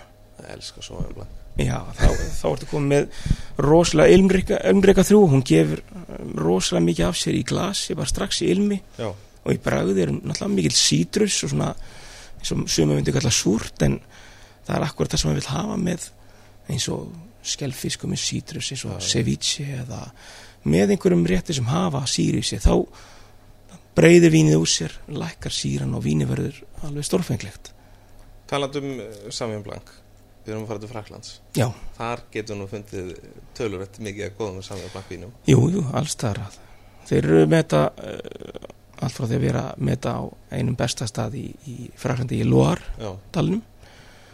Loardalurinn er, er hennar einn skemmtilegst uppsprettin af, af góðum sónum blank vínum í Fraklandi Loar, Loardalurinn er frekar langur þetta er la- Loar áin nær einhverja þúsund kílometra það er í svona ákveðinni bugðu á ánni svona sem ákveðin að snúa til Atlasafsins og ekkert land söður undir París. Þar erum við með svæði sem heitir Sancerre já, og Puy hennar sem Puy Fumer er gerð í Puy Suloir þetta eru bæir sem eru bara hlifið hvers annars. Það sem Sanservín eru uh, kröft og ilnrík þau eru uh, grösug eins og nýslegi gras eins og, eins og sett að halda búnti af dill í hendinni. Já, já, fyrir þetta út í hennar feskar feskjur já, og uh, vínin eru heillandi, þau eru alveg dálegandi og í, í bragði er þau kroft, svona bragðmikil án þess að vera yfirgengileg. Já. oft er hann ekki er þau óeikuð? Það var margir sem eika þau. Og þau er rosa svona seiðandi veist, þetta er Já. langt eftirbráð langt og mikið eftir bragð oft en ekki fylgir því náttúrulega vermin það er náttúrulega ölliti dýrari. Já, komin upp í kannski þrjú, þrjú til fjóð þúsund krónar en það er lítið, lítið verið að borga það sem að náttúrulega uh, þegar maður er komin upp í þáttölu þá ertu komin út í vín sem er margfald betra heldur en vín sem er þúsundkalljóttirra svo, dalur, svo bara hliðin á því er, er, er búið fyrir með vínin það er jarfiður nörvisi sem gefur af sér reiktari tón, ölliti mýkri útgáfa Sóni Blank og þar lendi kemur svona nafni fume eða reikur fram í nafnin á vínu þannig að ok. vínið, vínin er tvöru mjög álíka en fyrir með þá öllitið vil oft vera svona mildari útgáfun af Sanser Já. Við getum svo sem tekið heilan þátt um Frakland það er mikið af skemmtilegum er svona mikil vinsaga í, í Fraklandi en förum kannski í sko nú erum aðeins búin að tala um uh, hvítinstrúur, ef við tölum um rauðinstrúur í, í Fraklandi þá er Mhm. kannski tvö helstu hér um þar myndum að segja að það var Burgund og, og Bordeaux. Já, það eru helstu svæðin þótt að uh, Suður Fraklandi er náttúrulega núna að koma mjög vaksandi Já, já, Suður Fraklandi er náttúrulega e, e, í heilsinni er þetta orða svæði sem heitir Roussillon já, Languedoc er frá, frá landamennu Spánar og Fraklands svo við tekur Roussillon til að koma nær Rivierni og áttin að Ítalíu. Já, þetta eru svæði sem eru fann að gera alveg stórkostlega hluti með, með, með vín og, og ein, ein eina mestu uh, breytingarnar og mestu skemmtilegustu svona en nýjungarna fyrir Fraklandi heilsinni er áhugi fólks á Suðfraklandi það er að fá alveg geggjuð rósavín þurr en, en bræðmikil og, og, og seðandi hvítvinin er alveg uh, ávastarík og næstu þetta. Þú fara næstuð í uh, kraftin frá semst, nýja heiminu frá semst, heitar löndum. Já, já. en þú fær jarðveginn frá Fraklandi sem að gefur þér virkilega góð hvítvin. Og rauðvin alltaf njóta góðs að vera í svona heitu lofslega líka. Þar sem þau var yfirleitt mjög kröftu en, en jú, Bordeaux og, og Burgund er yfirleitt svona þessi klassísku Og Burgund eins og sögum að það er, eh, Noir allsráðandi. Það er Pinot Noir, já, í öllu sínu formi allt frá því að vera léttur og léttur og mildur og mjúkur Já. og svona aðgengilegur og en ekkert sér alveg kannski bræðmikill yfir það að vera öfbósla kröftu, einstök og dýrustu vín heims koma yfirleitt frá þessu hér að því Já, já, nákvæmlega. Uh, Ef við tökum Bordeaux aðeins uh, það er svo sem að kafa mjög djúft í það, förum svolítið grund í það þar erum við að tala um ákveðnar blöndur af mismöndi þrúum, ekki satt? Jú, það erum við að tala um yfirleitt kapinni Sauvignon þrúuna og Merlot svo er uh, margar aðra þrúun nota þess að bæta upp hvort sem það er byggingun á víninu, síruna litin, Mm -hmm. uh, tanninin sem er þannig að sem gefur manni þurkin í muninum þannig að þú bæti við þrúum eins og hennar sagt uh, Petit Verdot þú bæti við sem sagt uh, Malbec þrúni í litlu magni. Eins og er Malbec nýtur sem best í Argentínu þá eru notið þarna í litlu magni. Já, og við erum að, við erum að sjá mismöndi skiptingu hvaða þrúur eru notað mikið í hvaða hér en yfirleitt er þannig að ef maður lítur á Bordeaux eins og það er utanum ána uh, Gironde þá ertu með vinstri bakkan og svo ertu með hægri bakkan þá yfirleitt tala um bakkana því að þeir liggja upp í ána og njóta góðs af náttúrulega ánni og öllu, öllu því sem fylgir. Vinstra menn ertu með uh, klassíkina þar sem þú færð ákveðna grandkru flokkun í ákveðnum hérum Mhm. og þetta var ákveðið uh, árið 1855 að, að þennan dýristu vín 100 ár aftur í tíman frá þeim á því ári. Já, ætti að vera flokkuð eftir gæðum þannig að það var ákveðið hvað vínu væri best og það, og það niður. Já, já, frá fyrsta nýri fymta uh, grandkuru flokk svo þar fyrir utan er náttúrulega alveg frábær vín sem að liggja kannski bara með garðið sinn hliðin á þessum grandkuru garði og það skiptir nefnilega jarðvegurinn miklu máli því að jarðvegurinn er allt annar hjá þeim aðeins heldur hinum. Þannig að magnað. jarðvegurinn og, og, og náttúrulega hve- hvernig þau snúa í átt að sólu þetta skiptir allt máli svo þú ert komin til hæ, á hægri bakka þá ertu komin í Merra Merló Já, á móti kapinni vinstra megin. Það er út af því að ágangur sjáar eða svona allansæfi kapinni sjóðan þóli það betur. Það er svona það er meira magni víninu já, á vinstri bakkanum og Merló er meira magni á hægri bakkanum. Og þetta einn þekktasta uh, þekktasta vínið á hægri bakkanum er uh, Chateau Petrus. Já, það er 100% Merló. Oftan ekki og þetta er vín sem að er oftan eitt, eitt af dýrustu vínum í heimi langlíf og, og vín sem að eiga mikla, mikla aðdánda hópa í þeirra sem eru að hrifnir af góðum Merló eins og segi já. Og, og margar svona sem að eiga kannski aðeins, aðeins eh, inn á bankabókinu jú, jú, það fylgir því náttúrulega, þú þarft að eiga smá en, en þetta er eitthvað eins og segi vín er, vín er eitthvað sem það er átt að sjá að, að er ekki á ekki vera sagt uh, muna að vara fyrir hina, uh, hina fáu. Nei, ef einhver sem á pening vil kaupa Chateau Petrus eða eitthvað sem dýrari vínum. En hefur ekki vitað en langar svo mikið til að smakka þetta þá, þá verður maður að lefa fólki að eiga það að skuldlaust að allir eiga rétt á þessum dýri vínum ekki bara þeir sem hafa kunnáttina nei, á vínum. Um, Já, ég er algjörlega fylgjandi því að, að eigða aðeins meira í, í geða meira þannig að veginn eins og þú veist þú, þú þarft ekki eitthvað svakalega mikið pening til þess að fara bara upp í markvalt meiri gæði Nei, það er mitt, sérstaklega Íslandi þá, þá er þessi munur náttúrulega að gera þetta út af því að við erum með þessa áfengislaukjöf sem að setur svona slétt Já, slétta tölu allt saman. Þannig að við finnum ekki að vín er tvöfald dýrari því að það er bara muna 500 kalli á þeim. Já, þannig að það er tvöfald dýrar í innkaupum en svo verður þetta næstu á sama verði hér heima. Já, þannig að það er gaman að, að, að rannsaka vín og aðtúa hvað hvernig þau kosta út í heimi. Og svo líka eins og við við erum kannski búin að smakka uh, nokk, þó nokkuð mörg vín og vitum ástæðan okkur maður að hækka sér upp í verði og fá, fá sér hans meira vín, betra vín já, það er bara líka út af því að maður veit veit hvað, hvað, hvað munurinn er já, já. svo eru margir sem vita ekkit af þessu muni og eru, eru ekkit í þeirri aðstöð að geta smakkað heilan hellinga víni sko. Nei, nákvæmlega um, Hérna, sko, í Borg og sérstaklega, þar er mjög mikið talað um, sko, árganga að það Já. skiptir svolítið miklu máli alltaf skiptir það skiptir alltaf máli alltaf máli en mér er svona mjög ábærandi hvað, hvað fólk þegar talar um Borg og þá fer einhvern veginn strax að tala um, sko, já, já, hérna 88 var mjög góður árgangur og eitthvað já. uh, hversu mikið skiptir skipta árgangarnir í bara ef við tölum bara um vín almennt?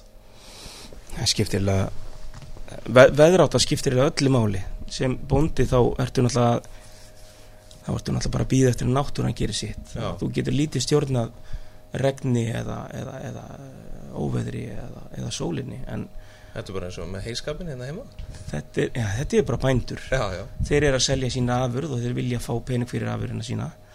En það sem þeir gera er að þeir náttúrulega þeir verða að vera snjalli líka hvinna þeir fara út í vingarinn og sinna ákveðum merkjum. Já, það þarf að klippa og snirta uh, runnana á vetri til og, og gera allt sem þarf þannig að þegar vori byrjar og, og blómin byrja þessast uh, laufin byrja að koma já, að fylgjast með, með hennar blómunum sem að verða á endanum vimberinn mhm.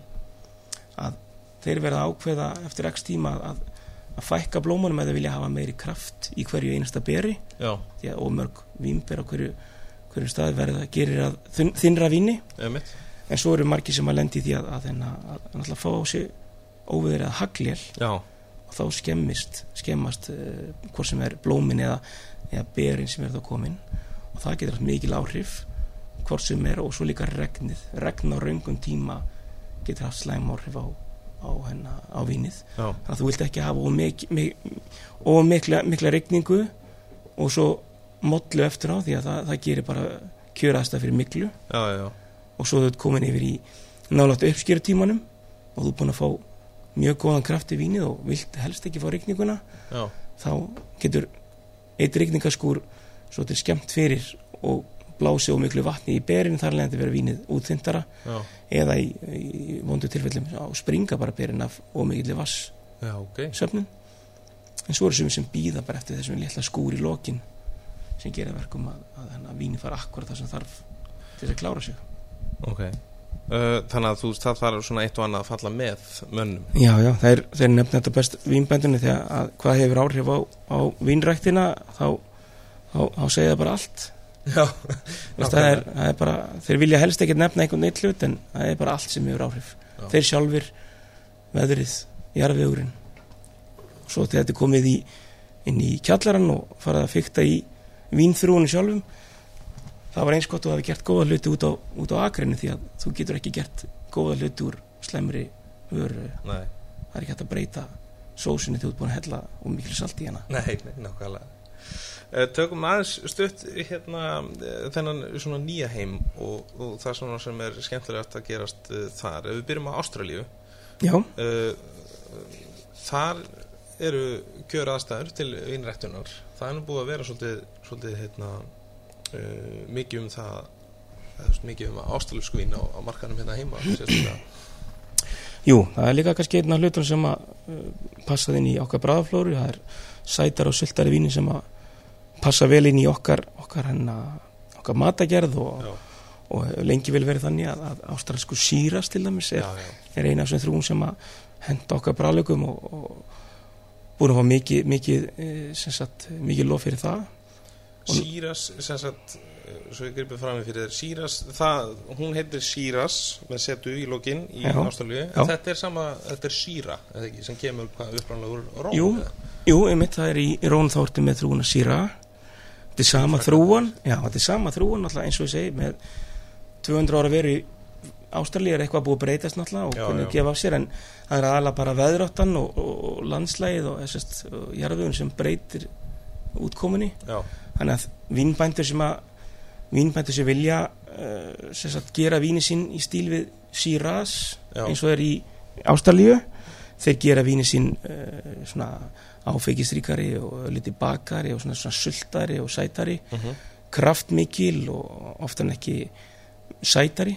Já, en um leiðu sem vínbandi ákveður að setja síra framan á vínið hvort sem þetta er í Fraklandi eða annars þar heiminum já, þá ert að benda á að þú ert að gera þetta meira já, þú ert að reyna að stefna meirinn í áttin að, að blómlegum tónum þú ert að stefna í áttin að fjólum og rósum rósapipar uh, sultaðir sætindatónar eiga að vera ekki og miklir mhm, og þú vilt ekki að víni of áfengisríkt. Já, stundum er dálítið erfitt í sögu Frakland er erfitt að gera það þar sem að hitin þar verður oft mikill þannig að síra þróun er ofta en ekki að reynast í stíl, stefninu það að verða ekki þessi, þessi, þessi sultaði bolti eins og er í Ástralíu já.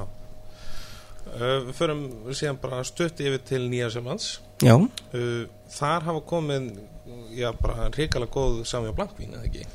jú, þeir eru þið frægasti fyrir Sóni og Blankvinni sín og núna líka Pínun var, Rauðvinnin Þetta er kjör aðstæður fyrir, fyrir hvítiskerð þar sem að Ástralíu hafa meiri aðstöðu fyrir að gera góð rauðvín Mhm. þá er það nýja sem komið, komið á kaldara þannig að þeir hafa betri svæði fyrir, fyrir hvítin og það fylgir oftast ekki að kaldara svæði gera verkum að hvítinu verða feskari Mm -hmm. svona sír og herri og hjálpa þeim aðeins að lifa og þau þóla ekki jafn heitt lofslag Já, en þurfa nýmitt nýti sín róslega vel í Nýjasalandi og heita bestu vínum bestu í heimi koma þaðan. Já, þannig að maður telur fyrir utan Frakland sko. Já. Já, mjög áhugavert að, hérna, að smakka þau. Uh, Förum til Suður uh, Ameríku. Tölum um að koma aðeins inn á Argentínu hérna þann Mal, Malbec, er það, það er heitast að þróa þar eða hvað? Jú, bara það er bókstaflega, það er, það er svo heitt í Argentína en heita þetta þrúan Nei, ég, náttúrulega Malbec er upprænlega fransk þrúa sem að var notað eins og ég sagði í blöndin í, í Bordeaux og notið mikið í Suður Fraklandi Já, það sem hún nýttir sem betur í heitur en þar.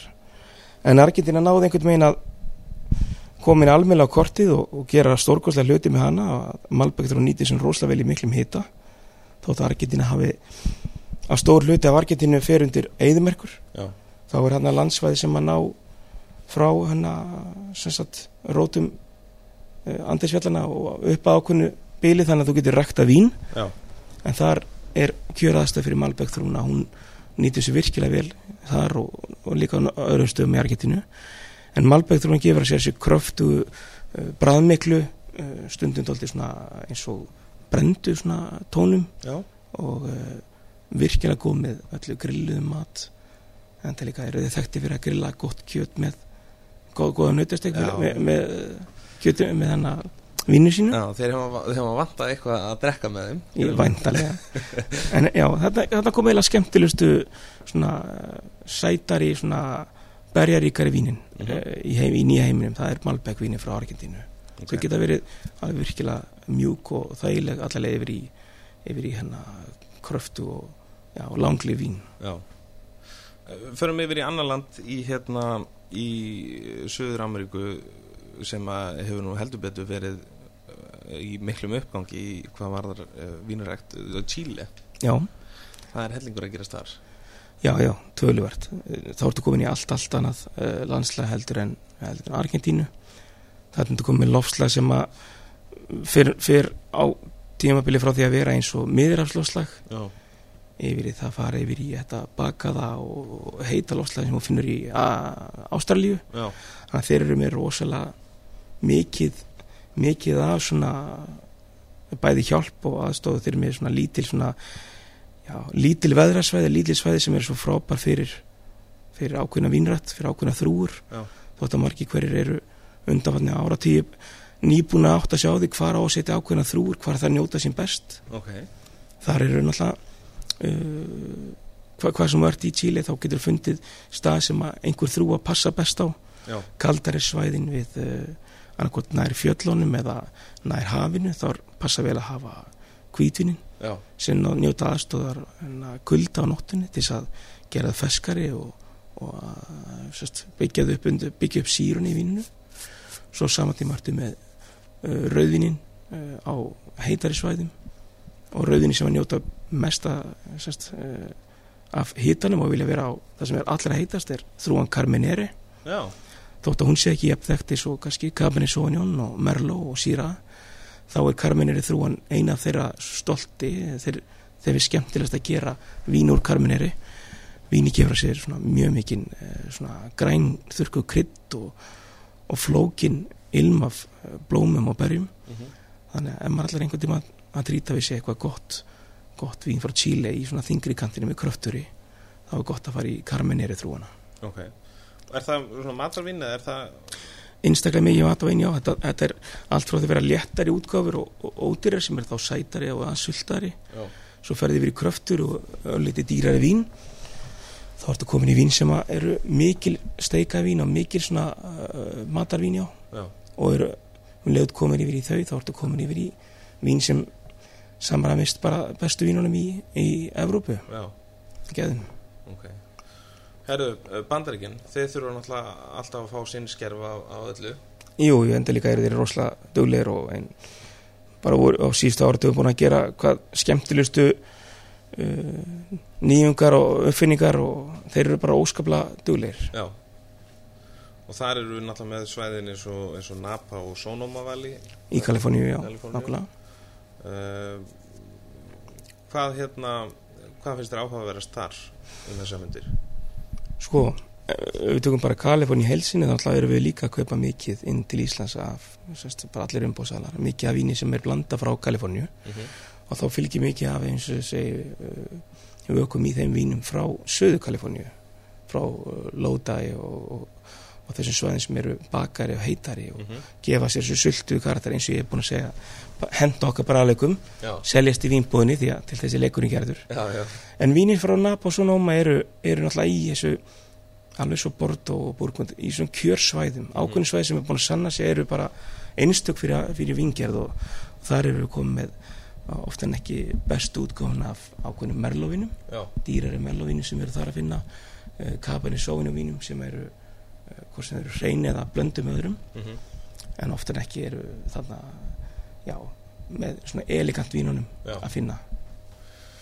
Ég hef svona aðeins smakka vín þaðan og, og þetta er geggja og sérstaklega sko það er svæði hérna og við höfum nú aðeins eh, nefnt Pinot Noir, Russian River. Er það ekki svona kjör aðstæði fyrir ræktun og því? Jú, þannig að koma með, með, með, með landsvæð sem að uh, passa vel fyrir Pinot Noir á annars heitu svæði. Já, og Rössjarrifi gefur ákveðin ákveðina svona feskleika til Bersins þannig að þarna er að rækta Noir en að eins og vel að hægt er að gera í Kaliforníu já. þótt að kjör aðstæði fyrir Noir er aðeins norðar í Oregon Mm því þá ertu komin á sömu breytagráðu og, og Burgund í Fraklandi Já, ok. en í raun og veru þá nýtur Pinot Noir þrúan sig alltaf best á kaldar landsvæðum lafslega heldur en í heitari Mm ef maður vill hafa vínið sem flottnast og fjölbreytast. Eh, því þeim er meiri hiti sem við berið vex upp við þeim mun einfaldari brátóna verið vínu vínu verið sætara og sultara og, og það felur í raun og veri þessa flokknu fingeri tónar sem annars koma í kaldar landsvæðin. Já. Sko, sko nú erum við kannski aðalega að sér maður mest af, af þú veist, vínum frá þessum svæðin sem að ég nefni hérna Sónóma og Napa. En einhver önnur svæði sem að við erum að sjá hérna komið til Íslands í bandreikunum eða frá bandreikunum Náttúrulega þetta eru svæðin sem að hafa bæði búið til nú mikið magna að við getum nálgastau Já, uh, því að það er mjög margt í bandaríkinu sem bara er ekki, ekki flutt út já, já, sem er bara búið til fyrir þeirra markað og erfitt að nálgast. Mhm. allra bestu víni því að þú þarf hálfpattin að búa nálat bóndanum, já, keira til hans. Já, en náttúrulega já, Kalifornía, það er Oregon það er sem sagt Washington fylki þannig að þetta er vi- virkilega svona góð aðstæða fyrir hvítin til dæmis. Þannig að Ok. þú fara virkilega uh, bræðmikil og flott vín sérstaklega eins og þessi Riesling frá Já. Washington. Þeir eru þekktir fyrir að búið til frábær Riesling sem eru uh, stundum að pari við bestu Rieslingan í Alsace já, uh, það er kannski ekkit mikið að frétta ef við förum yfir á austurstendina já, nei á hennar austurstendina já. Þannig erum við komin í í uh, öðruvísi landslag en við erum ekki mikið að fá víni þaðan en það sem skiptir máli er náttúrulega að í hafsjóa vínu þá er gott að taka vínin frá bestu stöðunum. Já, já, og eins og er þá er Kalifornía með í hendinni þar. Sjáum hvernig það allt fer síðan. Já já það, er bre með breyttu loslægi Já, já. Um, herðu, förum aðeins í kampanu freyðvin já. Það er uh, náttúrulega fátt betra en, en smá búblur. Já. Og segðu mér eitt sáður, sko, ert þú eins og ég að, að lætur að fara í töðunar að fólk talar um það að uh, að sé með flösku að kampavinni en er kannski með ódýrustu gerðin af einhverju sigursprengtu freyðivinni Nei, eins og ég segi, ég þurfti algjörlega að skera burtu snoppið, ég byrjaði í, í, í, í þessum bransi hennar og, og í staðan fyrir að gera aðtöðsend við þá, þá, þá bendi ég kannski fólki á að hvað skemmtilegi munurinn er á milli freyðivins og já, að þannig að freyðivin er indælt og eins og sér en þá getur ekki verið kampaðin nema og sért gerður í kampaðins hérann á, á, í Fraklandi já, já, nákvæmlega. En þetta er, þetta er bara þannig að þegar fólk byður um kampaðin það hefur heyrt að því að ofta en ekki er fólk að slá um sig með já, kampaðinni já. það fagnar með kampaðinni Það er ofta svona svolítið bendla við einmitt einhver, svona, einhverja fögnun. Þetta var náttúrulega kannski ástaf fyrir því að ert með, náttúrulega með kampaðinni frá, frá kampaðinsérinu á í Fraklandi í kringum, kringum borgina hana Rems og, og Epperni. Og þú komið með svæði að hér sem var uh, hér í kringum eh, borgina sem að kongurum var átti aðstötu sitt. Ok, það átti aðstötu sín í, í Rems. Og þá náttúrulega var allt vín sem var framleitt þar í hérðanir var vín konungsins. Mm, þarna drakk hann hvítvín og rauðvín örglega líka. Já, en svo þegar, þegar hann brettar eða frakkar við svöndi hver, hver gaf hugmyndin af að, að, að, þú getur búið til slís, slísing gerast með því að gerja og ekki gerillin er ekki hættur og heldur að gerast í flöskun og býr til eh, freyðinguna. Já, og þá einmitt þannig að voru breyta mikið að kaupa frökkum á þeim tíma þannig að þeir getur náttúrulega láta vita að það, eru, það er eitthvað, eitthvað að sendingun eina já, en það er svona skemmtilegt sem kemur út úr þessu að þá átt að þessu á það að það er búið hvítvín er búin að breytast yfir í freyðivín, mhm, kampavín. Og eftir það náttúrulega það var alltaf tilvælega að láta konungin dreipa þessu og, og þá er framaldið að því þá náttúrulega er, er fólk alltaf að fagna og skemmta sér eða fagna einhverju þá náttúrulega drekkur það sama og kongurinn drekkur. Að Þar, þarna liggur hundur um grafin sko. En, en verðið er ekkit endilega bara út af því að þetta var kongavín en það tekur langan tíma að búið til kampavín ofta en ekki tekur að minnstakosti þrjú ára að, þennan búið til kampavín þetta þarf alltaf að liggja á sínum stað í róleitunum og þroskast. Svo getur við fengið árgangskampavín sem eru ennþá eldri. Já, þannig að eins og við segir, með dýrar vínu þá, þá farið oftar en ekki krofturi og, og, og, hana, og margfaldari útgáfa af eh, einfaldari vínu frá Já. héræðinu það er náttúrulega líka bara eitthvað við þetta brað sem að er veist, er, sko fyrir utan kannski Íslands bergvað þá er þetta náttúrulega bara besti drikkur í heim sko. Já, en það er hægt að fá nóga kampaðin eða þú drekkir ekkert annað sko. já, já, Leðilegt að segja en maður hefur lendið því að fá of mikið af kampaðinni já, það er svona kannski flottur að vilja sá drámanni að, að hafa lendið því aðstöðu. En það er gaman að gaman að fá sér kampaðin líka við öll tækifæri. Freyðvín og kampaðin er náttúrulega eitthvað sem að er freyðvín og kampaðin er líka eitthvað sem er óskaplega gott að, að, að, að nota með mat. Já, já, já. Og einn skemmtlista pörinn af, af freyðvinni með, með, eh, með uh, matildans með rjóma, rjómalegum súpum. Já ok, mjög svona kremuðum súpum sem ofta ekki hilja bræðlöguna já, uh, leggjast yfir tungun og mörg hvítum bara skoppa af og ná alla aðtegli þá er freyðingin sem kemst að leifir þessu tvennu saman að, að, að dansa saman. Hann að þú ert með góðan möguleika að, njóta bæði vins og matar með því að setja freyðvin með rjómalegum súpum. Og þegar þú segir þetta meikar þetta svo mikið sens verður að kannski kólsýran hún brýtur svolítið niður þessu fytu Já, og þetta hjálpa líka til með alla þessa síru í öllum, öllum réttum hvort sem það er ferskur geitostur Mhm. með mjög mikill mjölkusýru í sér. Þá síran í kampaðinu með freyðvinu og passa svo vel á móti þar. Já, öllum þessum réttum með tómat eða vínagretti eða allir þessi rétti sem hafa einhvers konar síri í sér þeir passa svo vel á móti kampaðinu og freyðvinu sko, nú veist mér vera rosa svona aukin eftirspunni eftir, eftir bara freyðivíni almennt. Já, þú veist, er hægt að tengja það að einhverju leitu eh, til koktelsins uh, hérna, þessar sprits koktela já, já, töluvert. Og pro- Prosecco Já, já, náttúrulega Prosecco er náttúrulega freyðvin sem er búið að ná miklum hæði núna. Og það samaskap eins og Pinot Grigio þetta er auðdrekkalegt freyðvin já, já, þægilegt en þetta er náttúrulega freyðvin sem er búið á, til á, á hana þann máta að, að þetta er eh, einfaldur útgáfun af freyðvinsgerð þar sem Mhm. þú býr til gerðina og býr til freyðinguna í töngum. Uh, ekki sjálfur í flöskunni eins og í kampavinni mhm. en einhvað síður. Velgerð vín og, og þetta fóðu fesk og aðgengileg og elegant. Já, frábær í svona spritskoktela mhm, en svo líka eins og segja freyðivin uh, á alltaf alltaf ákveðin kúnnóp sem er búin að kynnast freyðivinni það sem er meiri menning fyrir freyðivinni Mhm. sem er þá annars þar í Evrópu. Já, ekki bara þú ert að fagna. Þannig að það hjálpa til að að, að út, útbreiða það að, að kampaðin og freyðivin eru, eru fyrir öll tilefni, Já. öll tækifæri. Kannski líka svolítið mikið að fólk svona kynnist einmitt, þú veist, freyðvinni bara frá, ég meina, eftir ferð til Ítalíu eða, eða eins og Prosecco eftir Jú, ferð til Ítalíu. það er oftan ekki þannig að margir eru búin að kynast náttúrulega sérstætt uh, Prosecco í gegnum drikkin hann að sprits, já. sprits, hvort sem það er. Já, en það kemur líka það að þú ert með, þú ert með marga möguleika á að búa til alla, marga koktela með freyðvin og kampaðinni mhm, eitt frægast eitt drikkurinn er náttúrulega French 75 Mm. sem er fylltir upp með kampavinni æðislegu gindrykkur sem að e, svona, lendir hátt að listanum með mína uppálskinn koktela já, og er, er bara eins og segi í gennu tíðina þá að blanda freyðvin að kampan í koktela er ekkert nýlundan. Minnst bara freyðvin eiga svo vel við allt saman. Já, og sérstaklega þegar þú ert að pæla í að para vín og mat saman ef þú ert með kröftugan erfiðan rétt, mikið af fytu eða mikið af kryddum, jafnvel spicy mhm, að para með með góðu freyðvinni það þarf ekki endilega að vera kampavín. Nei, freyðvin og stundu þegar þú ert með sætu í matnum það sakar ekki að taka smá sætu í freyðvinu mhm. Því það hjálpar allt til að para uh, líkt með líku. Og fólk getur náttúrulega bara séð það á sem sagt þegar það kaupir freyðvinna að brutt, þar eru við náttúrulega með þurrt. Já þannig er þetta komin í mismöndi hluti sko, mismöndi lönd með mismöndi áherslur.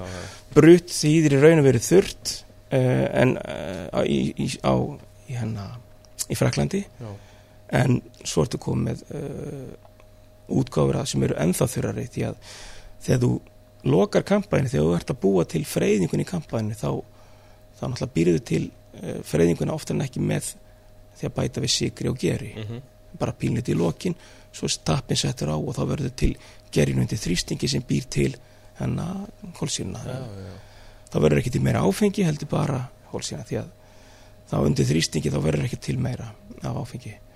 Þegar þú ert komið svo með uh, brut natúr mhm, eða zero dosage þá ertu komið með útgáfuna þú ert ekki að bæta henni við já, og þá nýtur bara sigur sem er eftir í víninu til þess að halda áfram gerinu til þess að gera uh, þessa freyðingu. Mhm, þá færðu ennþá þurri útgáfur kampavinni eða freyðvinni Já. svo er Ítalið rættu með annan flokk það sem brutt þýðir meira magna sigri í freyðvinnu já, og ekstra dræ í freyðvinni þar þýðir en þá sætara heldur en brutt. En þetta er hálf hjánlegt þannig að það er gaman að lesa sér til sem betur fyrir höfuð aðgengilegt heitin á, á netinu og það er að lesa sér til um ef maður er hrifin á þurrum vínum að tók hvað þið þurft í hverju landi fyrir sig. Já, nákvæmlega. Og svo náttúrulega með, svona yfirleitt er þá hvað seko sem er þá ef fólk ætlar að fara í í seko á spáni því þurft nú, já, sek á frönsku því sætt. Já. Þannig að þetta er ennennur ringur Mæl, leið mæl með því að fólk googli þetta og, og fara þess aðeins um en þetta. hérna seko á spáni sérst þurft freyðvin á spáni samt sem maður sætar heldur en þurr freyðvin í Fraklandi mm, þannig að þetta er bara finna er hvað maður er hrifin af og, og bara verið að finna eitthvað álíka. Uh, talandi um spán Kafa, það er náttúrulega freyðvinnu á Spáni mm. annars. Uh, finnst þér uh, Prosecco hafa að einhverju leiti tekið yfir? Þeir hefa risið all svakalega það má, má alveg segja það. En þegar kemur að bragði þá er bæði það sem er heitt frá fólki náttúrulega og líka fundið sjálfur mm að þú far meira bragð af eh, kafavínunum. Já, bragð meiri freyðvín lengra bra- eftirbragð uh, þingra eða svona aðeins þykkara í munni mm og fara aðeins meira matavín með kafavínunum -hmm. og þú farið ekki þess að flóttu tóna enda líka eru, kafa eru gerð með aðferðinni eins og kampasafinu þess með kólsíðan er, er búin til í flöskunni já, já. og á meðan hennar Prosecco eru vín sem eru uh, aðgengilegri, einfaldari blómlegri, en þau lifa ekkert jafn lengi í munni ekki jafn laft, já, laft Mhm. eftirbrað og, og svo segi, fyrir mismöndi tilefni að sjálfsög Já, Uh, Tölum aðeins um gæði sko ef við lítum á undanfæran ár finnst þér að hafa aukið eh, svona, aukist eftirspurnin eftir eh, svona gæðameri vínum á Íslandi? Já, þetta er svona eins og þú segir með, með þennan eins og við finnum hvað við viljum ég bleiða aðeins meira til þess að fá aðeins betra vín. Mm -hmm. þetta gildir saman mjög marga fólk er fann átt að sjá því hvað þeim finnst gott og farin að færa svo ofar í listanum á sömu vínum með ákveðin þrúum sem eru álíka fólk verður að leita eftir gæðu meira en magni í ákveðinum líka aldursópum, náttúrulega sumi sem halda sér í sínu og vilja sín vín. Mm -hmm. en svo eru margir fannir að fara yfir í, yfir í hérna ölliti dýrari vín og sumi fannir að sapna nú eru vínskapa til sölu í, í hérna annar ekkur versli sko, að það er að góða við að áður fyrir var þetta til sölu dýrin dómu, þetta kostar jafn mikið á hálfu bíl en núna er þetta þannig að þú getur fengið fína vínskap lítinn eða stóran og getur sapnaðir víni getur við lítil, lítil áhuga maður um ákveðin vín já, og getur sjálfur fundið hvernig vínin þroskast og breytast og, og fara að vera smá smá svona segir, aðeins íhuga þetta sjálfur og ekki lengur jafn, háður kannski öðrum en nei. fara að leita líka á netinu. Alltaf neti gefur allar upplýsingarna núna í dag. Já, þannig að menn, menn sem að vita allt er ekki, er ekki, er ekki einir um það að, að þennan vitum vín og gæð og þess að þannig að nú er þetta uh, orðið út um allt. Já, nákvæmlega. Sko, sko eins og á veitingustöðum erum við hérna með nægilega vel lesið starfsfólk til þess að mæta þessu? Finnst þér að, að við, við þurfum kannski að bæta við okkur aðeins uh, hvað, svona þjónavarðar? Sko, ef við erum að tala um náttúrulega þjóna sem að læra í skólanum minna heima þá náttúrulega þetta, þetta byggir mjög mikið bæði á að skólinn sé með uppfært efni og gott efni. Mm -hmm. Fyrsta lagi uh, að kenna grunni þar. En svo þarf líka að vera alltaf bæði áhugi hjá viðkomandi aðala og líka uh, að sé fagmennskan á staðnum er að ít undir áhugan og, og að, að viðkomandi afli sem er í þekkingar mm -hmm. og að fólk fái ákveðna ábyrð að fái að spreita sig. Það skiptir máli og, en e, þegar þú ert með eins og segi, mismandi áhuga svið hjá þeim sem fari í þennan geira hvort sem það eru kokkar einn daginn og, svo barþjónar hinn daginn Mm -hmm. þá er þetta allt eiginlega sama dæmi þú hefur áhuga að vera að vinna í fæinu Mm -hmm. uh, spennandi náttúrulega en að mörguleiti þá getur orðið sérhæfður, þú getur fundið þitt nýs á þessu eins og maður Mhm. segir kokkar í dag eru fannir að vera eigundu veitingastæði sem að ég var til þess að vinna með og fannir að vera uh, algjöri sérfræðingar og við erum náttúrulega með matistumenn á heimsmæli hverða sama gildir um, um, um þjóna sko. það, það er bara spönningin um að þjóð með mikið og flókið efni að lesum já. þá þarf þér nákvæmt sem að fyrir allavega að lesa og læra þetta. Og þá þarf náttúrulega áhugin að vera til áhugin þarf að vera til staðar og meðan þegar þú ert með þetta allt í bókum þú ert ekki með þetta beint jú, vín, vín ert með fyrir fram að því en vín kostar pening og að, að, að smakka vín allstór heiminum að ferðast um allan heiminn. Það er ekki allra færi. Nei, nei, þannig að eins og segi þetta er þetta er annað en að, annað en að kannski að, geta fullkomna lampalæri sem þú ert að gera heim í stofu sko og já, já, ná því alveg fullkomnu. Það er annað þegar þú ert að reyna að læra á allt fyrir utan sessant. Þetta eina vín sem þú ert reyfin af þú þarf að læra um allt eitt líka. Já, nákvæmlega. Uh, talandum sko svona vín uh, framreiðslu á, á veitingustöðunum sko þegar þjóttnin opnar flösku þá halda margir gestir að hann sé í raun að uh, gera það til þess að uh, fá álit gestsins á víninu. Já, þetta er náttúrulega ekki alveg rétt. Nei, nei, en oftar en ekki í dag þá er, þá er fólk að fólk að fara að skóla hvort annað til. Já. það þarf ekki lengur okkur til, það eru margir fannir að vita ástand fyrir þú þegar vera víninu eða smakka vínið og fer út að borða. En það er nú aðladrið til þess að koma að staði hvort að víni sé uh, óskemmt. Nákvæmlega. Oftar en ekki í dag er vín óskemmt því að það er búið að tryggja það að, að uh, skemmti sem koma út frá korki til dæmis mm það er búið að, búið að taka það og, og gera það að mjög lítilli lítil prósentu. Það með tilkomur skrútappa skrútappa og já, nákvæmlega. Og líka það að, að, að tappa val í dag hjá framleiðendum er orðið betra. Og margir fann að vera með tappa sem eru sem sagt, eh, þvegnir þannig að það er þessi, þessi efni sem getur gefið af sér þessa bakteri þessa, þessa, þessa skemmt hún er þvegin úr já, á mörgleiti og svo er tapinni bara limtið saman aftur gerðir aftur góður en þetta er svona þetta, er erfitt að, erfitt að, að, að komast hjá því að, að fá skemmt flösku en þegar maður er vafa þá spyr maður bara um, um aðstóð getur aðtók hvort að vín sér skemmt, ég er ekki alveg viss. Já, og þá fólk bara að venda sommeliernum eða vínþjónunum eða, eða veitingamannum hver sem er við stöðvulina já, ef vín er ekki eins og að vera þá náttúrulega á veitingamann alltaf að taka tilbaka ef viðkomandi er ekki já, því að í raun og veru þá vínið uh, kannski ekki skemmt á þennan klassiska máta. Það getur verið skemmt á mismöndum máta. Það getur hafa fengið súröfni á sig. Já, og ef þjó, kunin er ekki ánæður já, þá verður maður að taka vín tilbaka og skila því. Því að þetta er náttúrulega þannig að það er ákveðnar, ákveðnar tryggingar hjá innflutnisaðalum já, sem að tryggja svona hluti og eru tryggðir þegar mhm, frá framleganda Já. um að taka tilbaka x prosentu af víni sem að getur skemmt. Já, en þetta er eitthvað sem að maður á ekki að þræta við gesturinn þetta því að þetta er hans upplifun á víninu. Nákvæmlega. Og að gott að gott að hennar fylgja því að, að halda honum góður og selja honum bara meira. Það er til þess er leikurinn gerður.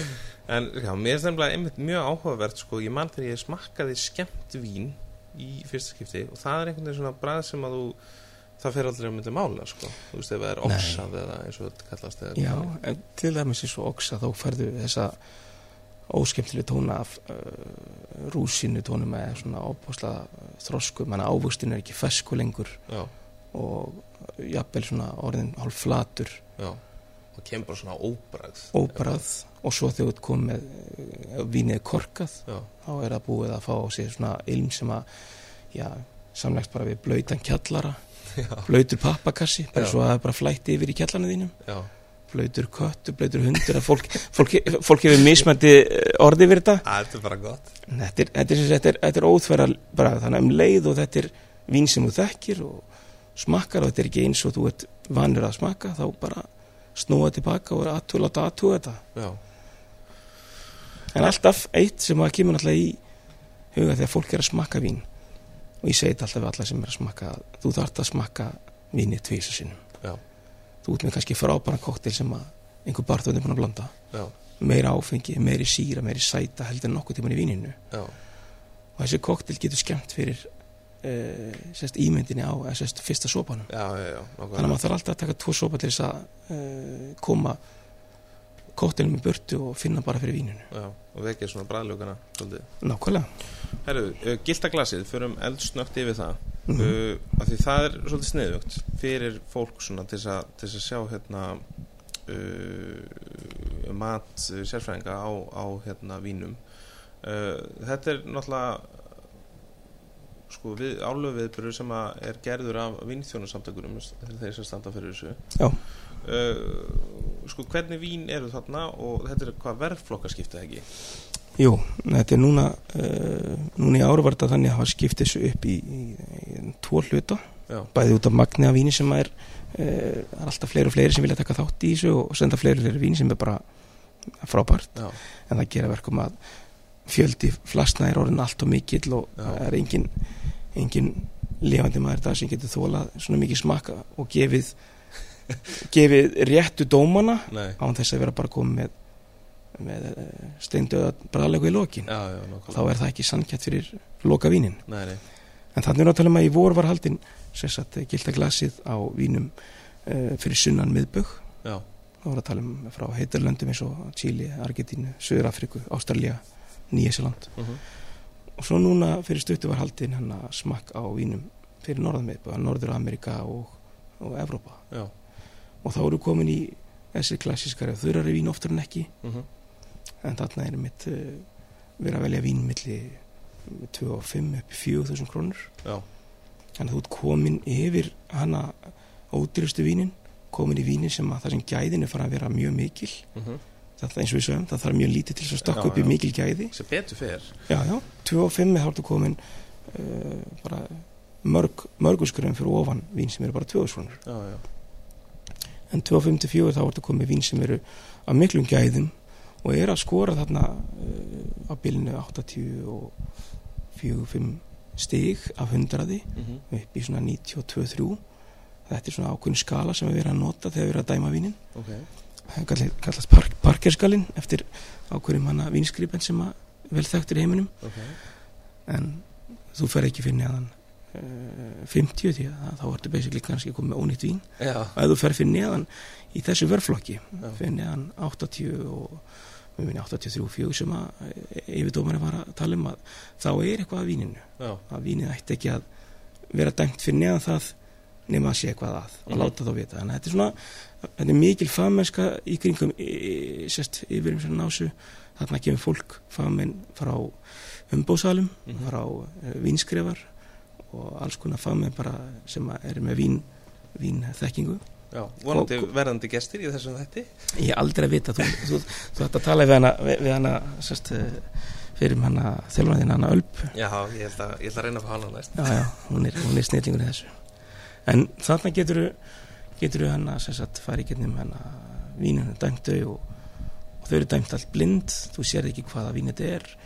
Ef flöskun eru of auðþekkjanlegar. Þá, þá er þeim held í aðra flöskur. Já, ok. Það er gert allt til að til að, til að, til að hana blekja eða svona, til Já, að halda þessu leindu og ef eitthvað eitt vín er óhóflega hátt eða svona stendur upp úr mm þá, þá, er, þá, er, þá er, segir eitthvað til um að stöðleikin getist þar og við komum að er að reyna að hérna, finna eitthvað vín sem maður þekkir að jafnvel er að flytja inn. Já, ok. Þannig að það er svona það er ákveðin, ákveðin, ákveðin leið fyrir þá, þau til að útrýma svona öfgum. Þannig að -hmm. þetta þarf að vera stöðleiki og, og hérna, þarf vera, fólk þarf að vera sjálfum sér samkvæmt Nákvæmlega. í gjöfinni. Og þannig að þú veist eins og þú segir, það er, það er mikið svona professionalismi á bakvið þetta. Þetta er ekki eitthvað Þetta er, þetta er ein, með betri uh, áleitigjöfum á víni fyrir almenning sem hægt er að finna já, hérna á Íslandi.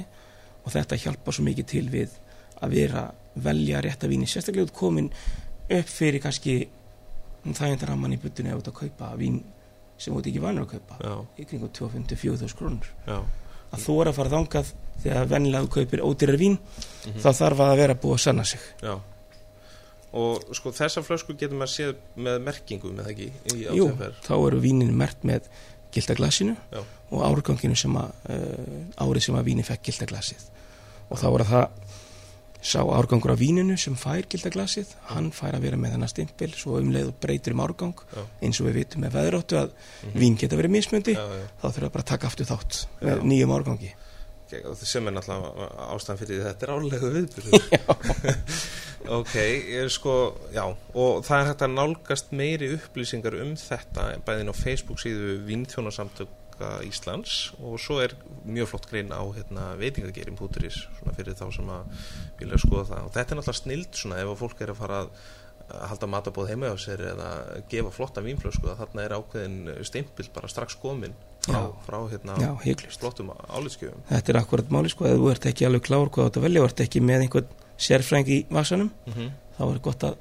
nýta sér þetta. Já, því þannig er búið að dæma vín á þessu verbili og það fyrir ekki milli mála að ef umbúðsali er að taka þátt í þessu þá sendir hann sín vín sem hann tilhör séu bara allra bestu vínin já, já, í, á þessu verbili og þá fæði maður bara rjóman að tóknum eins og maður segir. Já.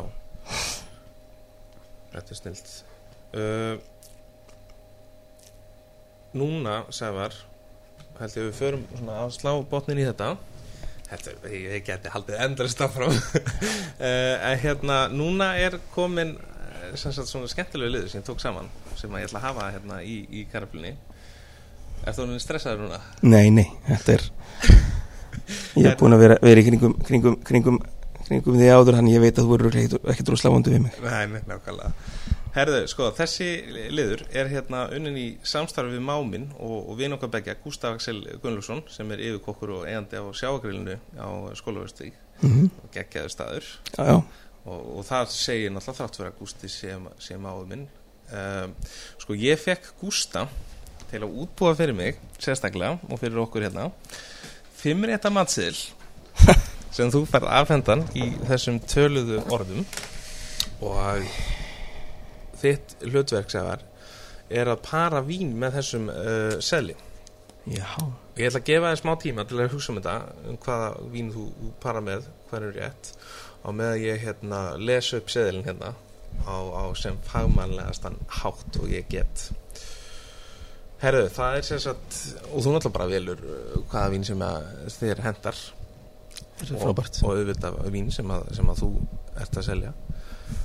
Uh, Fyrst réttur, þá erum við með smakkrétt. Það er sem sagt uh, túnfistartar með chili sesam majónesi og uh, vorlaug Svo förum við í fyrsta forrétt, þar erum við með græminsrétt það er uh, bökuð gulbeða með geitósti, sigruð möndlum og piparót Annar forréttur, þar höfum við léttsölduð uh, bleikja með eplum, jógurt, dill, sorbet og sýrðum lauk.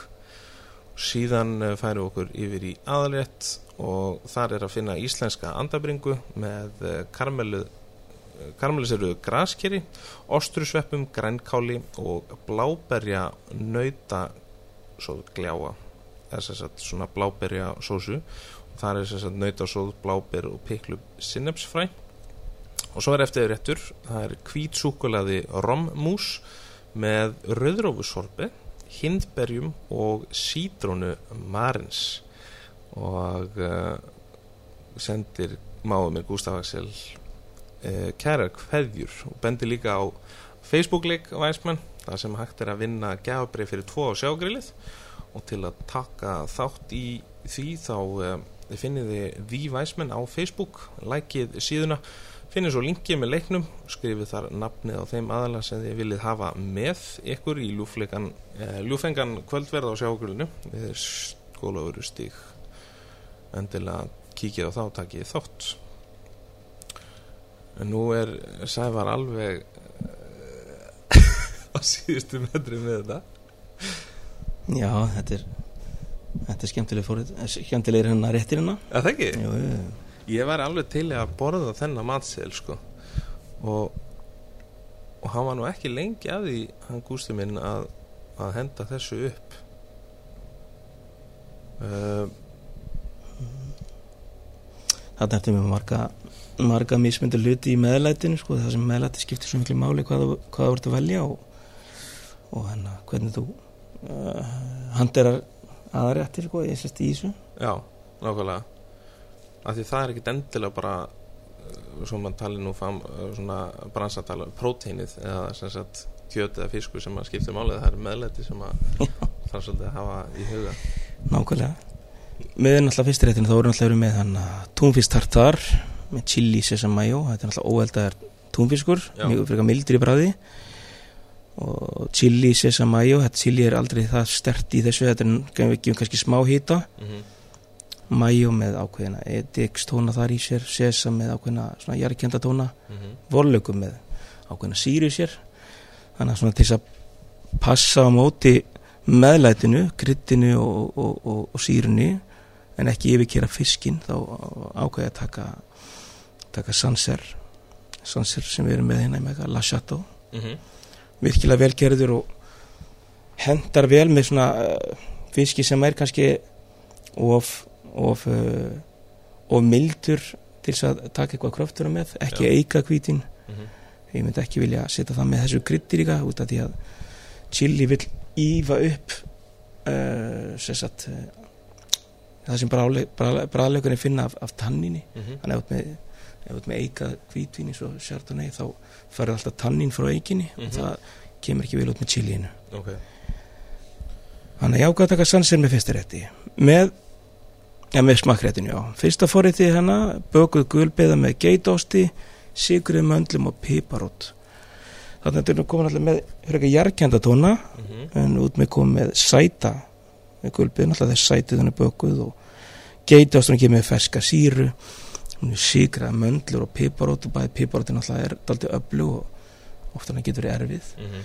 Ná, til þess að passa móti bæði í sætinu gulböðinni, uh, sigurum möndlunum, kryddunni í piparótinni. En samt hafa nóg mikla síru á móti geitostinum þessum þá ákveði að taka Pinot Gris, Grand Cru frá Alsace. Artur Metz Pinot Gris, Steinklots. Og þetta er Pinot Gris sem hefur uh, svona frekar þygt og mikið bragð uh, svona trópiska ávexti og með, með álíka álíka svona hvað sé álíka ávegst eins og myndi vilja finna á móti þessum jarkjöndu tónum á móti gulbeðinni Mm -hmm. en, eh, en með feska síru samt sem áður á móti. Þannig held að þetta getur verið flott, flott pörun þótt að örgulega langt frá því að vera eina pörunni. Ég til í þetta allavega. Líka freyði við kampaði með öllu. Já, já, nákvæmlega. Það á kantinum. Já, annar fórætturinn þá er hann að léttsöldu bleikja með eplum, jógurt, dilsorpi og sýrilaug Alltaf bleikja er ekkit, ekkit svo berðalagslega feit þannig séð, hann léttsöldu aðeins. Þá þetta komið ákveðin ákveðin óknunga gott víninu, hvað að velja. Epli og jógurt er með ferska tóna jógurt er alltaf með ákveðina sýri í sér dilsorpi, þannig að þetta komið eitthvað sem kæli bræðleikuna, þannig að þarf þetta að hafa eitthvað til þess að passa þar á móti. Mm -hmm. og síriður laukur þannig að þetta komið með ákveðna uh, ákveðna tóna eins og síruna. Ég, þótt að maður ætti kannski ekki að taka álíka sætu eins og kemur frá uh, eins og ég var í Pínu Grí áðan. En þá var langar með samt sem var að fara aftur í Loire þótt ég var í Sancerre áðan þá langar maður að taka Vouvray. Vouvray er gerður úr hérna Chenin Blanc þrúni Mm -hmm. í Loire frá sama framlenda, La Chateau. Og við erum með meiri sætu en við erum komið með ákveðna þygt og ákveðna byggingu vínu sem passa vel á móti bleikjunni, liftir nöp passar á móti saltinu sætan. Uh, feskleikin á móti eplunum og jógortinu. Og nógu mikil sæta til að ráða við að hef komið hana sorpi inn á milli. Mm. þannig að ég held að það geti verið flott pörun.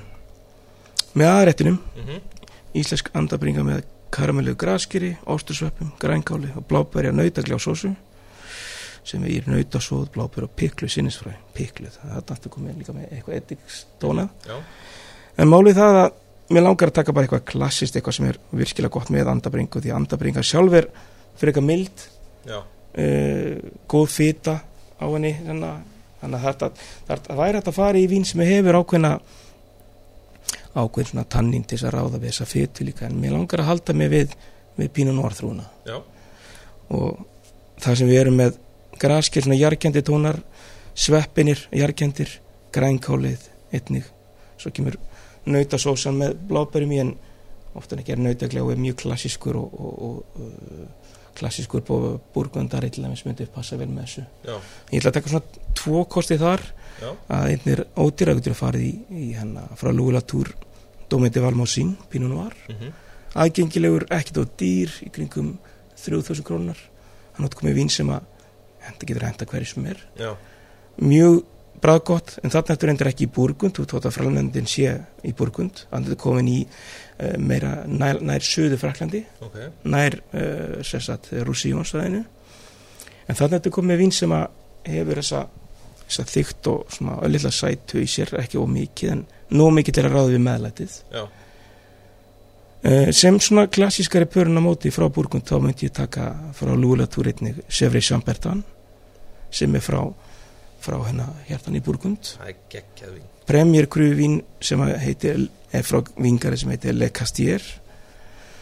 Uh, árgangarinn kannski skipti ekki máli en hann er 2013 núna en það er gott að hafa ákveðin þroska í þessum Premier Grand Cruvínu því að þau koma til lífs þegar þau eru orðin öllítið þroskuð og Já, stundum er verið að drekka pínunvara vínin full til ung. Og það er sama skapið þar maður þarf að leita á netinu og sjá já, hvenar uh, fullkomin tími til að drekka vínin er. Já. það getur verið að þú sett að reyna vínunum úr vöggunni. Þannig að búrgóta vínin þegar eru orðin svona 5-8 ára gömul er alveg stórkostleg. Þessi premjir og grankavín þannig að það er mitt val.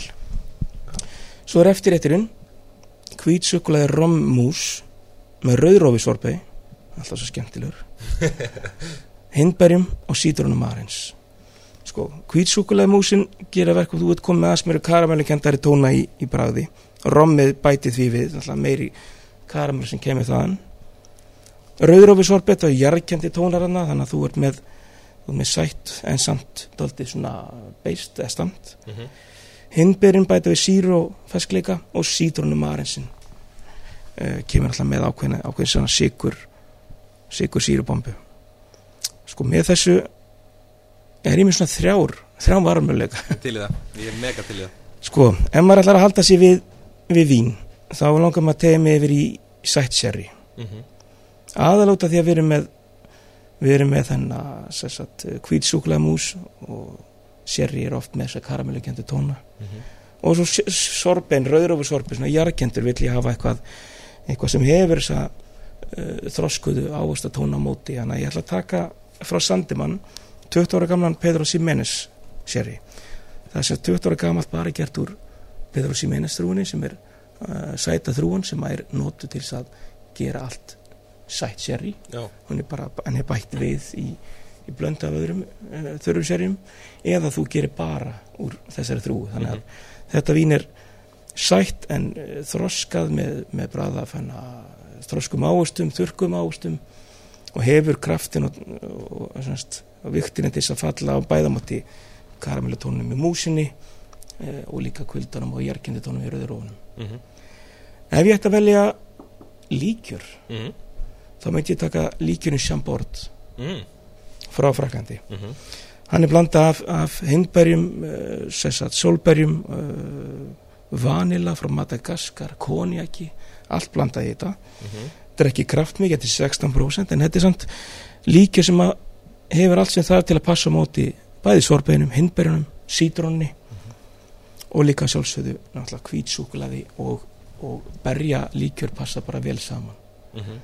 Myndi maður þá hafa líkjörinn, ef maður myndi kjósa það, í raun bara stofi hitta í Já, hann mætti bæði verið stofi hitta en það má líka breyta til og hafa bara klaka á kantri því að þessi líkjur er þannig að þegar maður hefur neinun á sér hann alveg indislegur mhm, og leiður maður setur klaka út í hann mhm, þá gís upp rosalega mikil kakó og svona súkulega ilmur Mm. þannig að svona tvær útgáfur af sama líkjörnum þannig að það getur leikir aðeins Ok, við þetta.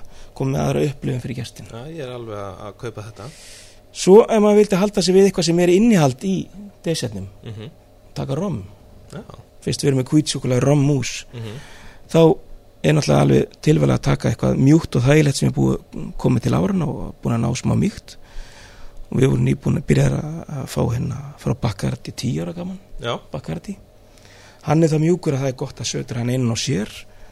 Þrátt fyrir hærra áfengismagn í þessu þá er uh, sorbe og, og, og sykurmagnið í, í desettum nóg mikið til þess að ráða við þetta. Mhm, yfirkerir þetta ekki beint. Það kemur bara með karamelli tóna á móti uh, karamellin sem við finnum í kvítsóklar og músinni. Mhm. Og vinnur náttúrulega sérstaklega vel á móti eins og þessum rauðrófu tónum. Náttúrulega, það er gott að hafa eitthvað svona uh, öðruvísi en svona samt.